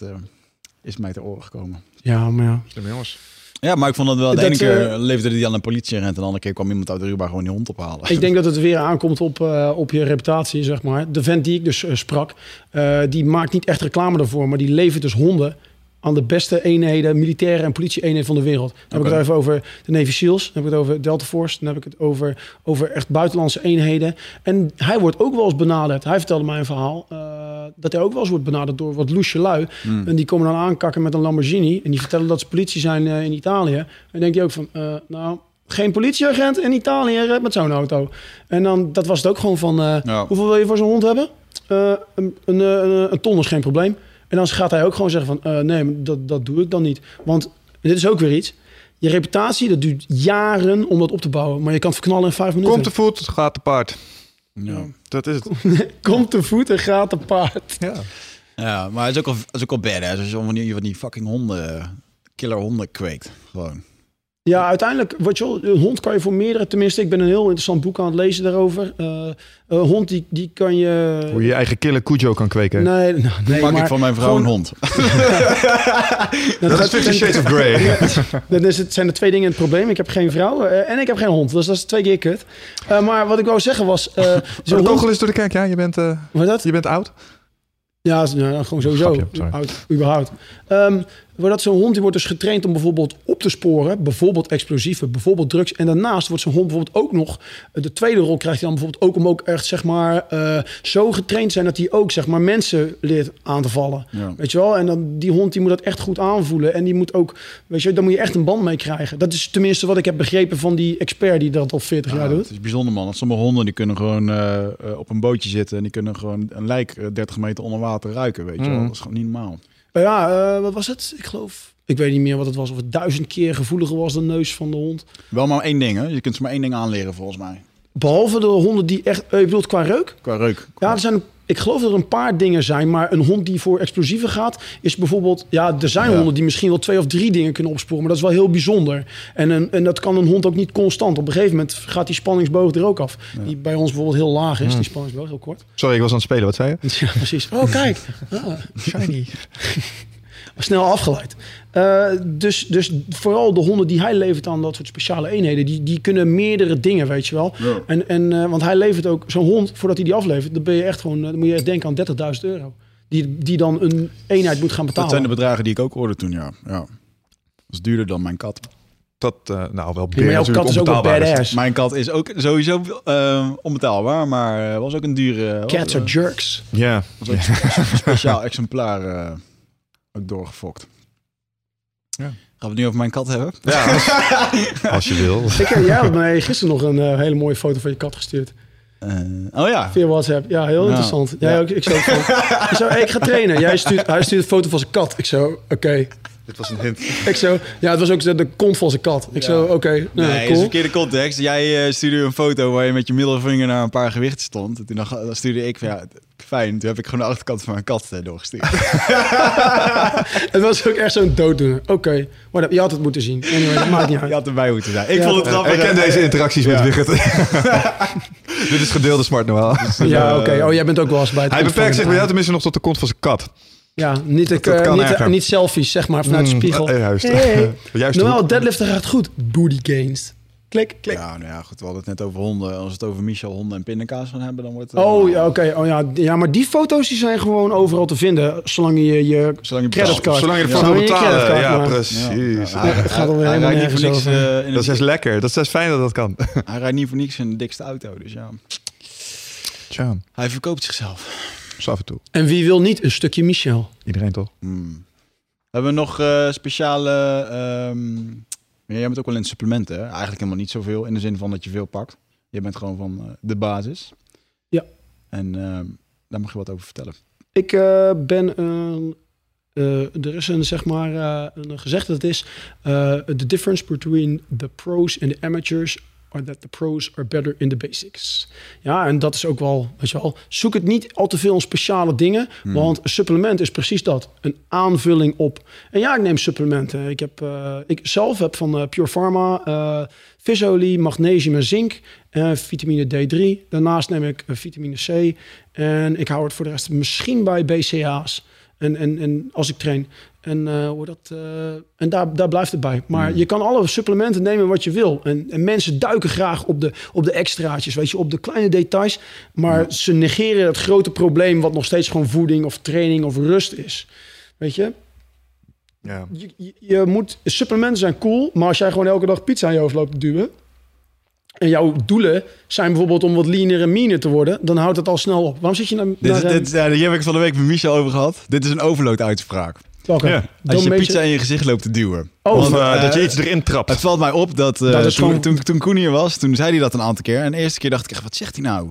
Het is echt, oh, oh, ook, hij, hij bedoelt Nee, maar eten. dat is een uitspraak En vanuit nu? Defensie. Het in je gezicht trappen. Ja, oh, dan heeft hij het ook weer daarvan. Ja, want... Ja, eh, maar die boys komen ook van Defensie af. Ja. ja, ze waren eh fysio eh, bij eh, het Korps Mariniers. Ze waren, dus ze waren dus eh, officiertjes bij de marine. En ze waren dus fysio. Je moet dus onthouden dat hun militaire eh, taakstelling was dus zeg maar om, om inderdaad ook uh, jongens met een blessure weer uit de blessure Beetje vergelijkbaar met wat jij nu aan het doen bent? Uh, afgezien dat ik geen fysio ben. Ja, oké, maar... Uh, of geen sportfysio. Amateur fysio en Mm, amateur gynecolist.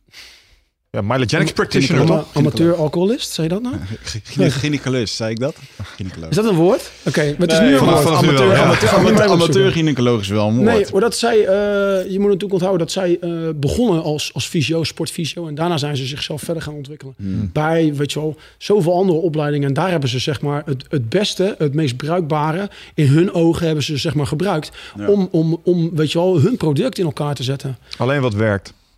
Ja, Als het voor- resultaat geeft, is het... Nou, ik denk dat, en dit vind ik heel erg mooi. Dat, dat, dat, dat, daarom heb ik ook meerdere opleidingen gedaan. Bijvoorbeeld, ik heb bij CrossFit eh, level 1, voetbal, eh, Olympic lifting, endurance, mobility, gymnastics. Bam, heel pakketje eh, van CrossFit. Heel pakketje van Overload. Heel pakketje van Steve Maxwell.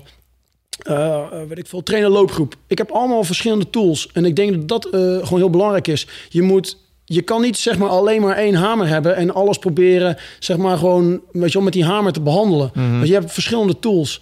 En ik denk dat als je een goede coach wil zijn, ik zeg niet dat ik een goede coach ben, maar ik zeg gewoon van ik heb een bepaald beeld daarbij. En dat is van eh, weet je als ik wicht wil trainen, dan heb ik misschien een zaag nodig en voor jou heb ik misschien wel een vel nodig en voor iemand anders heb ik weer eh, weet ik veel een hamer nodig.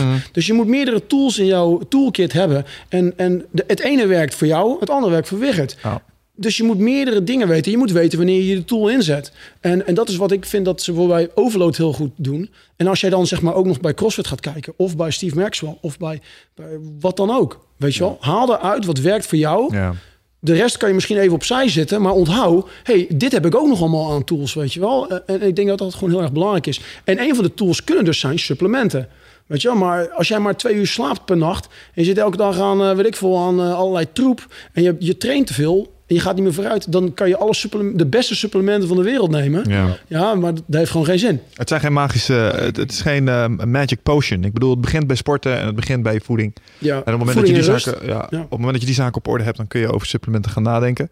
Anderzijds, ja, sommige basisdingen, zoals bijvoorbeeld, eh, je had het over, eh, visolie. Ja, daar kun je ook wel benefits van hebben op het moment dat je iets minder aan die andere zaken zit. Maar desondanks, wat je omschrijft is terecht. Mensen die denken van, ja, we hebben zo'n product, Shroomtech Sport. Mensen fantastisch, weet je wel. Maar dan denken ze dat ze daardoor, eh, door dat te nemen, ga ik in één keer beter trainen. Nee, je gaat beter trainen door gewoon vaker te gaan trainen en de juiste dingen te Ja. doen in de sportschool. En daar ga je sterker van worden. Ja, en naar je lichaam te luisteren, wat jij net heel terecht aankaartte. Want dat, daar, weet je, dat is het ook. Ah, als ik maar blijf trainen en ik trap maar gewoon, eh, of ik stop maar genoeg eh, supplementen in mijn, eh, Ik eet genoeg supplementen. ja, ik nuttig genoeg supplementen.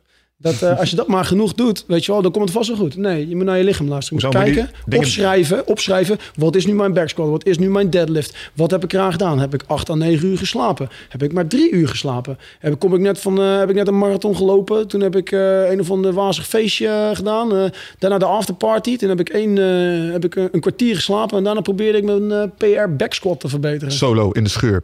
Ja, nakend, ondersteboven, met je haar in de fik. Ja, oh, het is niet goed geworden. Hé, dat is raar. maar je neemt toch Shroomtech? Waarom ben je niet vooruit gegaan? Ja, kutproduct, terugsturen. Hier, neem terug die trutzooi. Ja, dat kan gewoon bij Nutrifit. Ja, money back guarantee. Ja, dan kom, maar dan kom je, ook wel even, dan kom je het ook wel even ophalen. Maar, eh, wat heb jij gedaan, man, jongen? Dan kom je even kijken wat hij heeft gedaan, precies. Ja. Dan snap ik dat het niet werkt. Er zijn nog een heleboel andere dingen die niet kloppen bij jou. En, en dat is het gewoon, weet je. eh supplement inderdaad, ja, ik vind het gewoon... eh, en iedereen vindt het leuk om ermee een beetje mee te, mee te spelen. Want, oh, weet je wel, eh, ik ben van mening dat als iets jou 5% beter kan maken... dan vind ik het de moeite waard. Want zo kan je bijvoorbeeld twee, drie, vier dingen gaan doen... waaronder slapen, waaronder voeding, waaronder naar je lichaam luisteren. En dat zijn eigenlijk de simpelste dingen die mensen het liefste vergeten. Want wat is nou makkelijker dan te zeggen... ik koop dit en dan wordt het beter. Dan gaat het allemaal goed. Maar ik wil vooral niet mijn gewoontes veranderen. Want ja, nee, maar dat vind ik niet fijn. Ja, maar luister, als het niet werkt, dan moet je stoppen waar je mee bezig bent. Dan moet je iets anders gaan doen. En misschien dat supplementen je wel helpen van, oh ja, supplementen, oh ja. Misschien moet ik ook maar even iets meer water gaan drinken. Oh ja, supplementen. Oké, ik moet mijn magnesium neem- nemen voordat ik ga slapen. Misschien moet ik toch maar even acht uur gaan slapen in plaats van vijf uur. En niet, eh, weet ik veel, de hele nacht World of Warcraft spelen of eh, wat de fuck iedereen nu ook tegenwoordig speelt. True. Call of Duty. Call of Duty. Yeah, that being said, I need to go. Dus ehm, we gaan afronden. Maar. Kijk je me aan. Ja, nee, ik snap het helemaal. Je hebt, eh, ja, waarom heb je eigenlijk haast, Wigert? Wigert zit een beetje op de wipstoel. Wigert heeft een afspraakje. Ja, gaat weer toch lekker weg en dan gaan wij toch lekker verder. Oh, dat kan ook. Dat kan ook inderdaad. Ja, ja. maar het is wel, is wel in, eh, in, in termen van de verhaalkomst, eh, zeg maar, van de verhaallijn die vaste luisteraars hebben, is wel leuk. Want Wigert, met wie ga je vanavond uit? Voor degenen die onze vaste luisteraar zijn, die weten dat. Wie is dat? Ja, dat is eh, iemand die ik onlangs heb leren kennen. dus eh, daar gaan we vanavond mee op daten. En we hoeven niet verder op de, in detail te gaan. Maar ehm, Het is met mij. Verrassing. Hmm. nee, dus dat ehm ja, leuke it's dingen going doen. down. Oké, nice. En ehm, ja, dat brengt ons eigenlijk weer tot het einde. Nou wel jongen, ik vind jou eh, een van de betere kracht- en conditietrainers ehm, die Nederland rijk is. Dankjewel. Zoveel ken ik er niet in de Benelux of in het buitenland. Maar ik denk Nou, dat dat je daar in het rijtje ook eh, dat is dan meteen weer niks. En Nee, dat ik wil het zeggen. Want zoveel, ik denk dat je daar ook gewoon bij hoort. Met alle kennis en kunnen die je hebt. Alle activiteiten die je hebt. Ik denk voor iedereen die eh, een kijkje wil nemen ehm, ja, in de wereld van het Corps Mariniers. Dat hij hier veel aan heeft gehad. En eh, ook voor de rest van Defensie. Waar kunnen mensen jou vinden? Ehm, ik ben heel makkelijk te bereiken via Breda AC. Dat is bredaac.com. Tevens bij CrossFit 013. Dat is crossfit013.com en 013 uitgeschreven. Ehm, en defensietrainingsschema.nl. Eh, we hebben Instagram, YouTube en eh, een Facebookpagina. En als je mij wil bereiken, dan kan dat via info.bredasc.com. Ehm wil ik jullie ook tevens bedanken, want eh, ja, hartstikke leuk. Mijn eerste podcast en eh, met twee levende legendes. Dus dat is ook eh, natuurlijk mega. Dat is lief. Ja. Ja, we Super gaan dat je er binnenkort eh, starten met de Nutrofit podcast. Dus Ja. eh, daar moet je ook maar nog eens een keertje in eh, voorbij komen. Lijkt me hartstikke Eh, leuk. Als we dan een keer een aflevering hebben over eh pindakaas en zo. Dan, eh, Mhm. Dan kom ik met een pot en een hond. Eh, niet zo'n aanvalshond dan. Dat is de verrassing. Surprise, motherfucker. Ja. motherfuckers. Goed, voor degenen die nog eh, interesse hebben in eh, supplementen. We hebben net gehoord dat supplementen alles kunnen veranderen. En dat ze heel erg belangrijk zijn. Dan moet je kijken op nutrofit.nl. Kortingcode eindbazen en daar kan je alles eh, kopen. We hebben echt eh, toffe nieuwe dingen trouwens. We hebben een hoop eh, nieuwe eiwitproducten erbij. Tegenwoordig zijn we ook wat meer te vinden in ehm, producten zoals een Onnit Zen Body Wash. Oftewel voor degenen die niet met zeep willen wassen. van allerlei pH-neutrale-achtige toestanden. Of handbalsem dingen. Daar hebben ze echt perfecte dingen. Eh, heb jij hem al een keer geprobeerd trouwens, eh, eh, Michel, of niet? Welke? De zeep. Die uh, Onnit... eh, Alleen die healing zelf. Die healing zelf, ja? Ja, Ik heb die, eh, die, shit, eh, die van jullie, die eh, grass-fed whey protein gebruikt. Die is- vond je ervan? Ik vond hem goed smaken. Ja. En eh, hoe dat eh, qua inhoud eh, zag het er ook wel eh, goed uit. Ik heb het, eh, ik heb het eh, gewoon... eh, die pot die was redelijk snel op. Laat ik het zo mooi. zeggen. Hij is, ook Ja, een- hij smaakt ook oké. hij is gelukkig Ja. ook een, eh, een hardloper in de, in de shop. Ondanks dat we er eigenlijk... Hardlopers en doodlopers. Ja. eh, Nou, deze niet. Deze Zij de ex-marathonloper. Ja. En, eh, maar goed, dan moet je maar eens kijken. En bij easier.com mogen jullie ook eventjes kijken om daar alle social media over jouw merk op te vangen en door te plaatsen op je website en of displays. Mooi. Dat was hem. Ik vond het leuk, man. Noël. Super dank dat je er was. Thanks, dude. En luisteraars thuis, tot de volgende keer. Ciao.